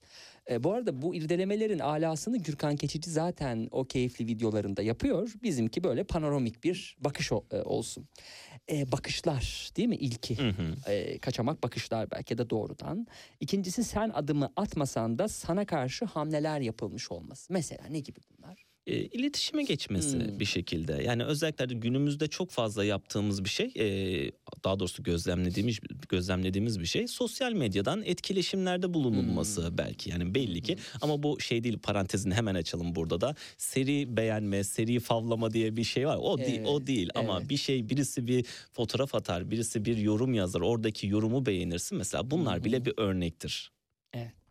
E, başka neler varmış? İltifatlar var, gülüşler ve espriler var. Araya girerseniz lütfen girin, Tabii. kesin beni. Davetler var mesela. Altıncı olarak sorular var. Beden dili ve dokunmak. Hı hı. Dokunmak derken E, dokunmak buradaki karşı tarafa özellikle sevdiğiniz insana dokunmak istersiniz. Hmm. Ama bu lütfen Bir yine bahaneyle, e, bir bahaneyle. Hmm. omzuna dokunursunuz, Hmm. saçına dokunursunuz. Bunu yaparsınız. bel E, o çok biraz ileri gidilmiş olur değil mi? burada şey çok önemli. yani, Yani, geçebilir miyim falan derken böyle bele dokunmak. e, mesela e, yer vermek, kapısını açtığında oturmasını sağlarken e, yer vermek gibi bu tarz konularda olabilir. Yani Hmm. bele ve- vesaire ama orada çok önemli olan bir kısım şu. E, bunlar ilk tanışmalar için değil, biraz da e, zaman geçirilmesi söz Hmm. konusu. Yani ilk görüştüğün kişinin direkt saçına dokunursan tabii ki belki çok bir şey olmaz Hmm. sohbetin gerekliliği açısından keyifli de olabilir. Hı hı. Ama e, ilk dakikadan gidip de dokunmaya çalışma hissi karşı tarafı tedirgin edebilir. Onlar da zaten özellikle YouTube kanalında falan öz- özellikle belirttiğim noktalar. Evet. Tabii şimdi bütün başlıkların üstünde duramayız. Cepte olmadan aşk kitabıyla e, Gürkan Keçici e, Kara Karga yayınlarından bu defa okuyucuyla buluştu. Hep sosyal medya kanallarından takipçileriyle e, iletişim halindeydi ama şimdi artık e, kitabıyla da e, takipçileriyle e, birlikte ve onların sorularına cevaplar veriyor. E, hoşlandığın kişiyi nasıl etkilersin başlığı var mesela. Kitabı okur okursanız eğer o başlığa bakabilirsiniz. Hepsine bakmayacağız. İlişki başlatan hareketler hoşlandığın kişiye nasıl açılırsın kısmında e, iyi analizin önemine, gülümsemeye ve ilgisini belli etmeye e, davet ediyor ve net olmaya e, davet ediyor. E, Gürkan Keçici zamanlamayı tuttur diyor. Nedir bunun zamanlaması? E, buradaki zamanla tamamen e, zamanlama kesinlikle karşı tarafında hazır olması e, şeyde ilişkiye hazır olması. E, gidip de hiç e, bu işe hazır olmayan e, beğeniyor mu beğenmiyor mu düşünmeyen bir insana paldır küldür gidersiniz o kişiyle e, bir şey yaşayamazsınız. Yani açılmak hı. dediğiniz şey de güzel tanımak aslında karşı tarafı. Hı hı. Şimdi burada şu çok önemli. E, kitabı az önce bahsettiğimiz gibi üç tane bölümden e, oluşuyor. İlk bölümler aslında buraya kadar okuduğunuz bölümler tamamen e, ilişkiye hazır mısın? Karşı Hmm. tarafı iyi tanıyor musun? Karşı tarafı iyi bez, e, iyice analiz ettin mi? Karşı Hmm. taraf seni tatmin edebilecek mi? Düşünce bakımından, ilgi bakımından, sevgi bakımından işte az önce verdiğimiz Hmm. örneklerden belki sana uygun biri değil. İlk etapta kitabın ilk etabı tamamen bunlardan ibaret oluyor. İkinci bölümde de ilişki esnasında İlişki yapılacaklar esnasında var. yapılacaklar var. Yani oradaki şeyi e, şunu söyleyebiliriz yani e, belki zaten tanıdığım bir insan çok iyi analiz ediyorum vesaire. E, kitap o zaman gereksiz mi? Hayır kitabın ondan sonraki konusu senin için daha önemli. Yani çünkü mesela benim e, üniversiteden beri görüştüğüm birisi ilişkiye döndürdük. E, yeterince tanıyorum ondan daha iyi analiz etmiş Hmm. olamam yani kimse analiz etmemiştir Hmm. benim kadar diyor. Tamam okey oraya kadar sıkıntı yok o zaman senin için. Bir sonraki aşamalar senin için başlıyor. Evet. Ama bana sorarsanız kitabın Gürkan senin için en önemli kısmı neresidir desen e, en en fazla hata yapılan kısım e, ilişki sonrası, Evet, ilişkinin bitme hı. aşaması, e, en fazla hatalar, en fazla e, kendinden Doğru. ödünler vermeler, özgüveni zedelemeler işte o kısımda başlıyor. Bir iki ikinci bölümden örnek verelim. Tabii, tabii, Sonra üçüncü bölümde aşk acısıyla ilgili nasıl baş Evet. edileceğine ilişkin ipuçları vardı hatırlıyorum. Sonra ona geçeriz. Biz şimdi neyiz sorunu tabii değil mi? Tırnak Kesinlikle. içinde biz şimdi neyiz? Evet. İstem dışı çıkıyor o sanki. E, Nasıl çıkıyor o hiçbir şekilde ben, çıkıyor. Ben hep bunu Bazen de rahatsız ediyor. Yani birine bunu söyletmişse karşı taraf zaten bir şey yaşamıyor gibi bir şey demektir sanki değil mi? Ne diyorsun? Ben her zaman e, bugüne kadar hep şu söylendi. Bunu söyleyen kadın muhtemelen genelde kadınlara kadınların kurduğu bir cümle. biz şimdi neyiz diye. Ben işte sizin dediğiniz gibi aslında kadını suçlamıyorum burada. Bunu düşündürten, bu cümleyi kurdurtan erkeği e, burada eleştiriyorum. E, ben de kadına diyorum ki bu soruyu sorma. Analiz etmen lazım senin zaten. Beraber olduğun kişi sana bunu düşündürüyorsa, biz neyizi düşündürüyorsa uzaklaş oradan. Uzayına tatmin edememiş e, sevgini, ilgini orada durma daha fazla demeye getiriyorum. Evet. Flört ve sevgiliye sorulmaması gereken sorular Gürkan Keçici'nin kaleminden. Bir, maaş sormak. Değil mi? Evet, kesinlikle en kötülerinden bir Bir tanesidir. de Türkiye'de zaten eko- ekonomik şeyle birlikte, e, krizle birlikte maaşlar zaten insanlar burnundan solur, solurken bir de onu sormamak lazım. Ben orada bir araya gireyim. Tabii. O, şimdi sen şey dinle e, söyleyebilirler dinleyenler. Ya çok basit yani bu da olmaması lazım falan diye düşünüyor olabilir ama o kadar çok gözlemledim ki arabasına bindikten sonra e, senin mi şirket arabası mı diye Ha. sorular var. E, yani e, buradan evriliyor Bunu mesela aslında. niye sorar bir insan? Arabaya bin gitti mi? Yani kaynağı niye önemli olabilir Şimdi, burada? şimdi iyi niyetli düşünelim. Hmm. Araba tutkusu var, arabayı seviyor. E, kendinin arabası mı işte belki onu öğrenmeye çalışıyor. Ama Hmm. bence orada bu tarz sorular zaten o yüzden sorma diyorum merakta etsen. E, seni e, kullanmaya çalışan farklı beklentileri olan birisi yapar. Hmm. Onu sorma. Gerçekten de yani çok güzel bir arabası vardır. Ya bunun markası ne senin mi? Tamam sordun. Belki ilgisini çekiyor gerçekten ama yanlış anlaşılacaksın. Hmm. E, maaş mesela şunu karşılığı şey yapıyorum. E, güzel bir evde oturuyor e, beyimiz hanımefendi soruyor tamam mı? Maaşın ne senin de burada oturuyorsun?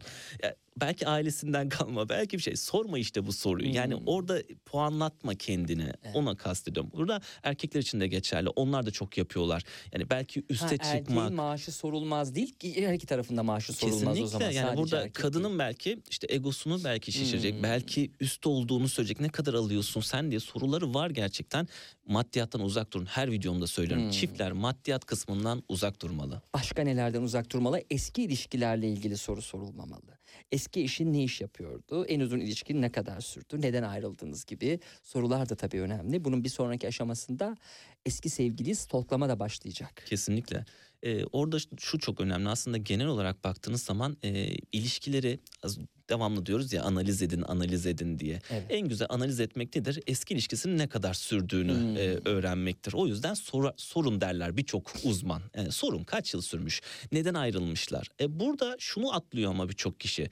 E, kimse ya benim düzgün ilişkim olmadı ya hep böyle bir haftalık bir haftalık takıldım cevabı vermez. Hmm. Veremez yani. Eğer ki Değil mi? Doğru. gerçekten Zaten dürüst bir cevap o yüzden netleşiyorsun. Ondan sonraki ne oluyor? İlerleyen dakikalarda ya da ilerleyen e, haftalarda e, tabii sen zaten gömlek değiştir gibi sevgili değiştiriyormuşsun. Hmm. E, biz de değiştirirsin Hmm. zaten gibi gereksiz e, yönlendirmelere doğru gidiyor oradaki sohbetler. Evet.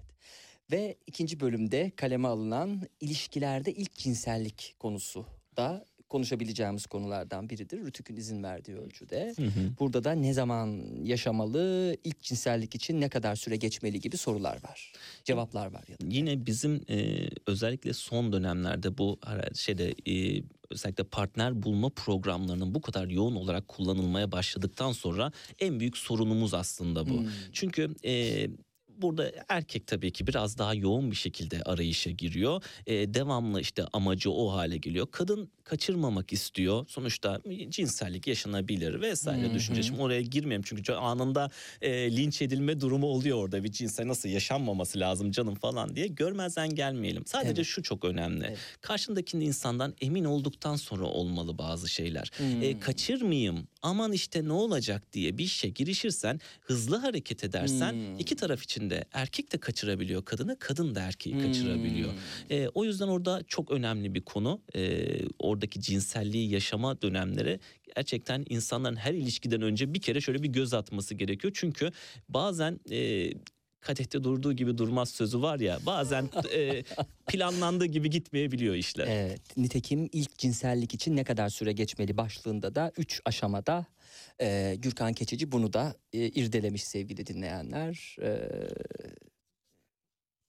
buna ilişkin detayları da Gürkan Keçici'nin cepte olmadan aşk kitabında e, sansürsüz okuyabilirsiniz. Yani sansürsüz Sansür derken bir şey yok tabii Yok hayır bir şey yok da hani Rütük e, hiç e, şey yapmadığı için e, bu tarz e, aktivitelere anladığımız kadarıyla girişmediği için e, Ya problem yaratmasınlar diye söylüyorum. YouTube'da Yoksa da- bir şey yok yani bunda anlatılmayacak bir şey yok. Her şey Benim- konuşulabilir bence. Ben zaten e, hiç e, yani kendi açımdan, kendi yayınım açısından e, bunun atlamaya gere- gerekir bir durum olduğunu düşünmüyorum. Sana değer verilmesini sağlamanın altı yolu denmiş. Ha bu arada YouTube yayında dediniz affedersiniz buyurun. Ee, sorun değil. Ee, buradaki şeyde YouTube'da da mesela bir rütük yok herhangi bir tabii ki YouTube'un kendi denetleme mekanizmaları var ama orada bile çok ciddi derecede e, eleştiri olabiliyor. Cinsellik konularından falan bahsedince. E, ama az önce söyledim ya hayatın gerçeği es geçersen de bu sefer bilinçsizce ilişki yaşayan, ilişkiye cinselliği sokmaya çalışan insanlar doğuyor. E, elimizden geldiğince o yüzden zaten kitapta da çok rütüklük değil. Genelde YouTube'da da böyle rütüklük olmuyor. Yani kendi bir belli bir seviyede sınırlarda anlatıyoruz bazı şeyleri. Evet. İlişkilerde sosyal medya kullanımı nasıl olmalı başlığı var ama bir kere şeyi de konuşalım bence. Bu sosyal medya hesaplarının şifresinin verilmesi ilişkinin hangi aşamasında olmalı diye bir e, şey soru sorayım. Çeldirici bir soru sorayım Gürkan Keçici'ye. Ee, Ben orada e, bir ilişkide e, şifrelerin ver, verilmesi, işte çok fazla e, içli dışlı olunması, hesapların çiftler tarafından birbirinin hesaplarına bakılması ve hatta ortak hesap açılmasını hiç mantıklı e, ve e, sağlıklı bulmuyorum. Kesinlikle her insanın kendi kişisel özel alanı olması gerekiyor. E, bu tabii ki çok eleştiriliyor. Ya benden gizli bir şey mi yapacak? Ne olacak bildirsem, bilmem de gerekir. Hayır, o sadece bir örnek. Orada kişiyi kısıtlarsan ne olur? Tabii ki sana ait bir insansa, sana bu kadar sevgisi, ilgisi varsa zaten bir kaçamak olmayacak. Ama orada göz göre göre ilerleyen zamanda kim bu sorularını sormak için isteniyor aslında. Yani bugün sosyal medya dediğimiz şey tamamen e, milyonlarca insanın etkileşimleri halinde. Hiç tanımadığınız bir insan size e, alakasız bir mesaj atabiliyor. Bunun için neden ilişki zedelensin? E, kadın erkek fark etmez ya da bir e, kişiye atılan mesaj illa o kişiyle bir şey olmuş anlamına gelmez. İnsanlar birbirlerine şuursuzca ek, şey yapıyorlar, ekliyorlar, mesaj atıyorlar. O yüzden ben oradaki kısımda kesinlikle sağlıklı bulmuyorum. Bence sosyal medya alanı özel olmalı, kişiye özel olmalı. İlişkilerde buna çok dahil edilmemeli. Sevgilimle tartışırken bunları yapma kısmında KKD'ye güldüm. Yani bir dernek, nasıl bir dernek? Kaçan, küsen, trip atanlar derneği. Bu Kesinlikle. derneğe girmeyin diyor Gürkan Keçici. Kesinlikle. Ee, orada da en fazla yapılan hatalardan bir tanesi iletişim kurmak yerine tartışma esnasında e, trip atmak, küsmek, e, iletişimi kesmek. Hatta şunu çok fazla gözlemliyorum. Dinleyenler de varsa ne olur artık yapılmasın bu. E, sadece küçücük bir kavgada, küçücük bir küsmede iki tarafında birbirini WhatsApp'tan ya da işte ne bileyim sosyal medyadan engellemesi. Bir iletişim çok zor değil. Yani neden böyle, neden böyle? Çözebilir miyiz? Çözebilir miyiz? Çözeriz, şunu yaparız. Ben de bunu yaparım. Bitti. Şimdi bana da şöyle şeyler söylüyor. Özellikle ekşi sözlükte falan yazılmış böyle hakkımda gördüm. Ya bunları biz de biliyoruz da işte o anda uygulanmıyor. Ee, bu işin kaçış kısmı. İstersen uygularsın. Hmm. Sadece bir şeye bakacaksın. Karşındaki insan sevdiğin kişi, ilgilendiğin kişi. Niye engelliyesin ilk anda? İlk etapta aklına neden engellemek geliyor? Nefret ettiğin bir insan değil sonuçta senin. Ee, buna özellikle önem veriyorum. Orada küsen, kaçan, e, trip atanlar derneğine o yüzden girmeyin diyorum ben. Evet, evet. Ve Yani buna uymak biraz herhalde bu bir takım kurallara uymak da zorlayıcı olacak ama e, eğer bunlara uyarsanız da mutlu olacaksınız. Gürkan Keçici'nin vaadi bu sevgili dinleyenler. Nitekim Gürkan Keçici şimdiye kadar yaşadığı binlerce ilişkisinde karşılaştığı durumları derledi. Binlerce, binlerce de değildir şimdi. Ee, Oradan bir ne zaman zor- müdahale edeceksiniz? bakıp engellendiğimi görüyormuşum ben şu an.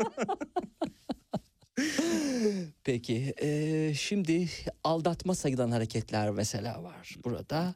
İlk olarak sosyal medya üzerinden takipleşme aldatma sayılır mı sorunsalı üzerine kurulmuş cümleler. E, şimdi burada yine hassas olan noktalar. e, şimdi çok fazla detayını e, tamamen okumaları gerekiyor. Burada üstün körü birkaç cümleyle anlatırsak insanlar çok yanlış anlayabilir. Aa işte birini ekledi işte bu e, aldatıyor demektir falan diye böyle bir Hmm. ön yargılara girebilir. Hı. Aslında orada anlatılanlar onu değil. O yüzden e, bölümü dikkatli okumalarını öneririm. E, ama şu tabii ki bir hassas olan bir nokta. Çok fazla yine karşıma çıkan noktadan bir tane örnekle gideyim. E, ilişki esnasında ard arda e, şimdi kadın olsun erkek olsun birileri ekleniyor. Şimdi e, ben şu örneği veririm hatta YouTube videolarımda. Eğer ki bir e, lisenin pilav gününe gitmiyorsanız e, birdenbire 20 kişi 10 kişi eklenmez bir hesaba sosyal medyaya E, ekleniyorsa sayı da fazlaysa e, orada belli ki bir şeylerin e, dikkati çekiliyor Hı hı, ama tekrar hı. söylüyorum e, bir olay olmuştur birileriyle tanışılmıştır herkesi zan altında bırakmayalım Hı hı. ama işte kitabın içeriğinde bunlara önem veriyor buna dikkat edin ama bu da biraz şüpheli bir harekettir diye. Çok e, cesaret isteyen bir hareket. Eski sevgiliyi takip etmek aldatma sayılır mı? Sorusu e, cevaplanan sorulardan bir tanesi. E, ki gerçekten değil mi çok cesur olması lazım. Belki Kesinlikle. yürek yemiş olması lazım Kesinlikle. onu O- yapan o, o sevgilinin. artık e, var olan sevginin artık bitmeye yönelik e, hareketlere diyebiliriz. E, o artık son noktayı koymuş çaktırmadan gibi yorumlanabilir. Evet. Arkadaş bulma programlarında profil yakala e, profilin yakalanması peki aldatma sayılır mı sorusu üzerine sorulmuş. Artık bu da değilse bu da gol değilse ne gol olur E, belki. Şöyle bir yanıt du- duymuşluğum var. E, yok arkadaşımın şeyini açtık, e, kocasını arıyorduk. Evet arkadaşınızın kocasının başınıza dert olacağını Evet, hiç unutmayın. Ee, Kesinlikle. Ya da şu da çok denk geliyor. E, canım akşamları çok canım sıkılıyor. Sohbet ediyorum orada insanlarla. Yok öyle bir şey. Değil mi? evet. Ya da ben onu belki ilaveten bir tanışma programı olarak görmüyorum. Hani siz de yazmışsınız. Tabii, Bir. Instagram programı Pro- olarak, profil olarak görüyorum bunu Kesinlikle. diye e, şeyler var. Nerede geziyor? Tinder'da geziyor mesela. Sadakatsizlik affedilir mi? Sadakatsiz insanların bahanelerinin neler olduğu yine sıralanmış. Bu arada bence Gürkan Keçici ile bir ilişki yaşamak çok zor olsa gerek sevgili dinleyenler. Çünkü attığı her adımda, her gülümsemesinde bu gülümsemesinden bir anlam çıkartabilir e, partneri, e, sevgilisi ve e, sürekli tedirgin olabilir ve bir paranoya yaşayabilir diye düşünüyorum. Yanılıyor muyum? E, sormamız lazım. Canlı bağlantı alabilir. Hemen arıyoruz. Peki ilişkide geri adım atmadan gereken konular var. Sınırlar, duruş, yine hedefler. Gürkan Keçici'nin cümlelerinden. Peki sevgiliniz ne dedi bu kitabı gördükten sonra? E, burada zaten e, YouTube'da çok aktif olarak bu tarz konular Görmüştü geçince zaten. görülüyor Hmm, zaten hmm. haliyle. Ama kitap böyle bir adım daha öteye geçmiş hali ya. Yani böyle biraz daha tedirgin eder mi insan Yok acaba? diye tedir- tedirgin olacak bir şey yok. Hatta tam tersi orada e, belki benim bile uymam gereken e, noktalar var. Ya da Hmm. onun bile uyması gereken. Hmm. Zaten e, çıkarttığımız nokta burası.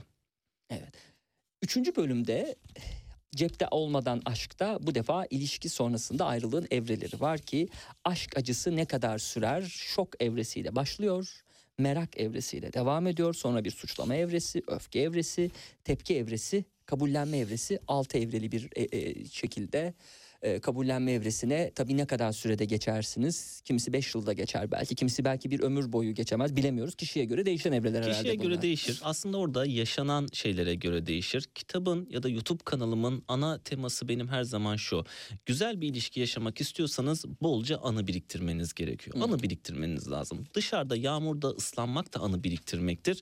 E ne bileyim bir şeyde oturup e, simit yemekte e, anı biriktirmektir. Hı hı. Oradaki ne kadar çok anı varsa o anılar ne kadar yoğun yaşanmışsa işte ayrılık evresi o kadar e, zor geçmeye başlar. Çünkü baktığınız yağmur yağar onu hatırlarsınız. Hmm. İşte ne bileyim e, gevrek satarlar, simit satarlar e, onu hatırlarsınız. Evet. E, oradaki süreç tamamen ondan ibaret E, ama çok böyle şey e, tabii ki gözlemlerim de var bu konuda. Yılları geçtikten sonra o tamamen insanın kendi kendine yaptığı bilinçli ızdıraptır derim Hmm. ben. Yoksa çünkü gidip de 3 yıldır aşk acısı çekiyorum. Burada var mı? Var.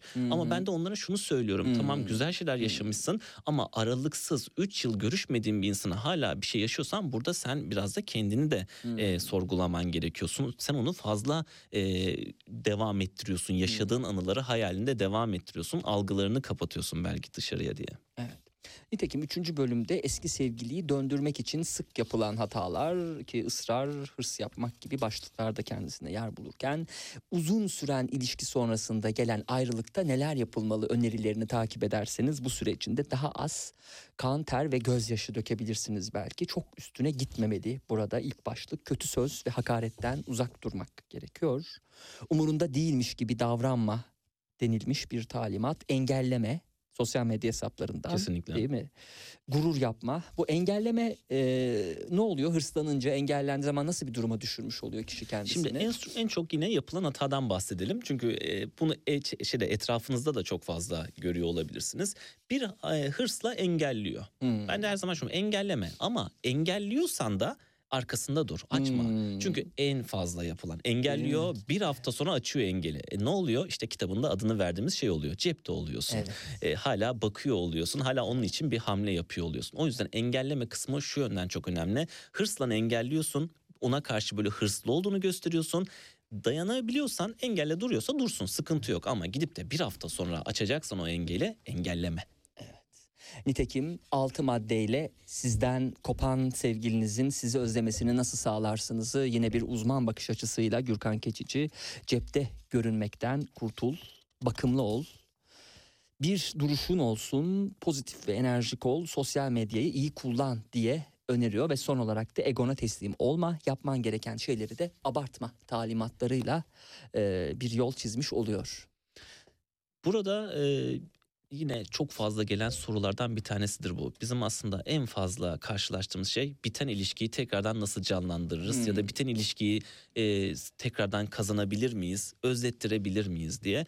Az önce söyledim ya anı biriktirdiyseniz bolca anınız varsa o kişiyle gerçekten ciddi Hmm. bir şansınız var. Hmm. Çünkü çok fazla gözlemliyorum yani bitiyor iki hafta belki iki ay sonra tekrar başlıyor. Orada şey kısım önemli yaşananlar önemli. Fakat sen o esnada kendi duruşunu bozuyorsan örneklendirelim hadi Ee, ayrıldın bir ay sonrasında ağzına geleni söylüyorsun bütün arkadaşlarına işte sen şöyle yaptın sen böyle yaptı o şey konuşuyor arkasından konuşuyor döndüremezsin artık Hmm. o hasar veriyorsun hı. ya da ayrılırken en çok söylediğim şeylerden bir tanesi bozmayın ağzınızı. Karşında insan, e, karşındaki insan senin ilişki yaşadığın insan, bir şeyler paylaştığın insan. Gitmeyin e, kaba tabirle ana avrat düz Hmm. gitmeyin işte ya da Hmm. şerefinden ya da işte onun rahatsız olacağı noktalara basmayın o hırsından dolayı. Öyle bir şey yaparsan kazanamazsın geriye e, şeklinde anlattığım noktalar var. O yüzden oradaki kısımda e, bir şeyler yapmak istiyorsan tek bir en önemli bir tane madde olarak işlenmiş bir durum ama duruşunu bozmayacaksın. Neysen o şekilde devam edeceksin. Hmm. Aksi halde oradaki e, şeyi başaramazsın. Geri döndürmeyi başaramazsın. Gülkan Keçici programın ikinci kısmında konuğumuz oldu. Son derece enerjik e, ve e, çok keyifli bir sohbet. Çok, Çok da eğlenceli, keyifli bir kitap. E, cepte olmadan aşk. Yolu açık olsun. Kara Karga yayınlarından çıktı. E, Lewis Carroll'ın Kopan Avı adlı kitabını hediye etmek istiyoruz size. İtaki Dünya klasiklerinden bize gönderilmişti. İyi okumalar. E, var mı son olarak söyleyeceğiniz bir şey hem takipçilerinize hem de okuyucularınıza son olarak? E, zaten devamlı birlikteyiz. Hatta buradan çıkınca hemen YouTube kanalımda yeni bir video ile karşılarında olacağım. E, Harika. burada şu çok önemli. Kitabında e, adını veren konuyu bir kez daha e, Hmm. gündeme getirelim. Ne yaşıyorsanız yaşayın. Kaliteli yaşayın ve cepte olmadan yaşayın. Hmm, Cepte olmak demek, e, onun da açılımını yapalım hazır yeri gelmişken fazla vakti almadan. tamam. E, cepte olmak demek bir kişi şeyde e, birinin e, yedeğinde olmak, birinin garantisi olmak demek aslında. E, o yüzden işte o size az önce gelen soruda da söylendiği gibi duygularınızı açmakta şey yapmayın, e, ket vurmayın kendinize. Ama açıyorsanız da karşı tarafa anahtar teslim açmayın ki karşı tarafta hiçbir zaman sizi cebine almasın ya da sizi garanti olarak görmesin diye şeklinde bitireyim ben. İlişki uzmanı Gürkan Keçici'ye tüm bu verdiği bilgilerden dolayı teşekkür ediyoruz. Haftaya görüşmek üzere, hoşçakalın.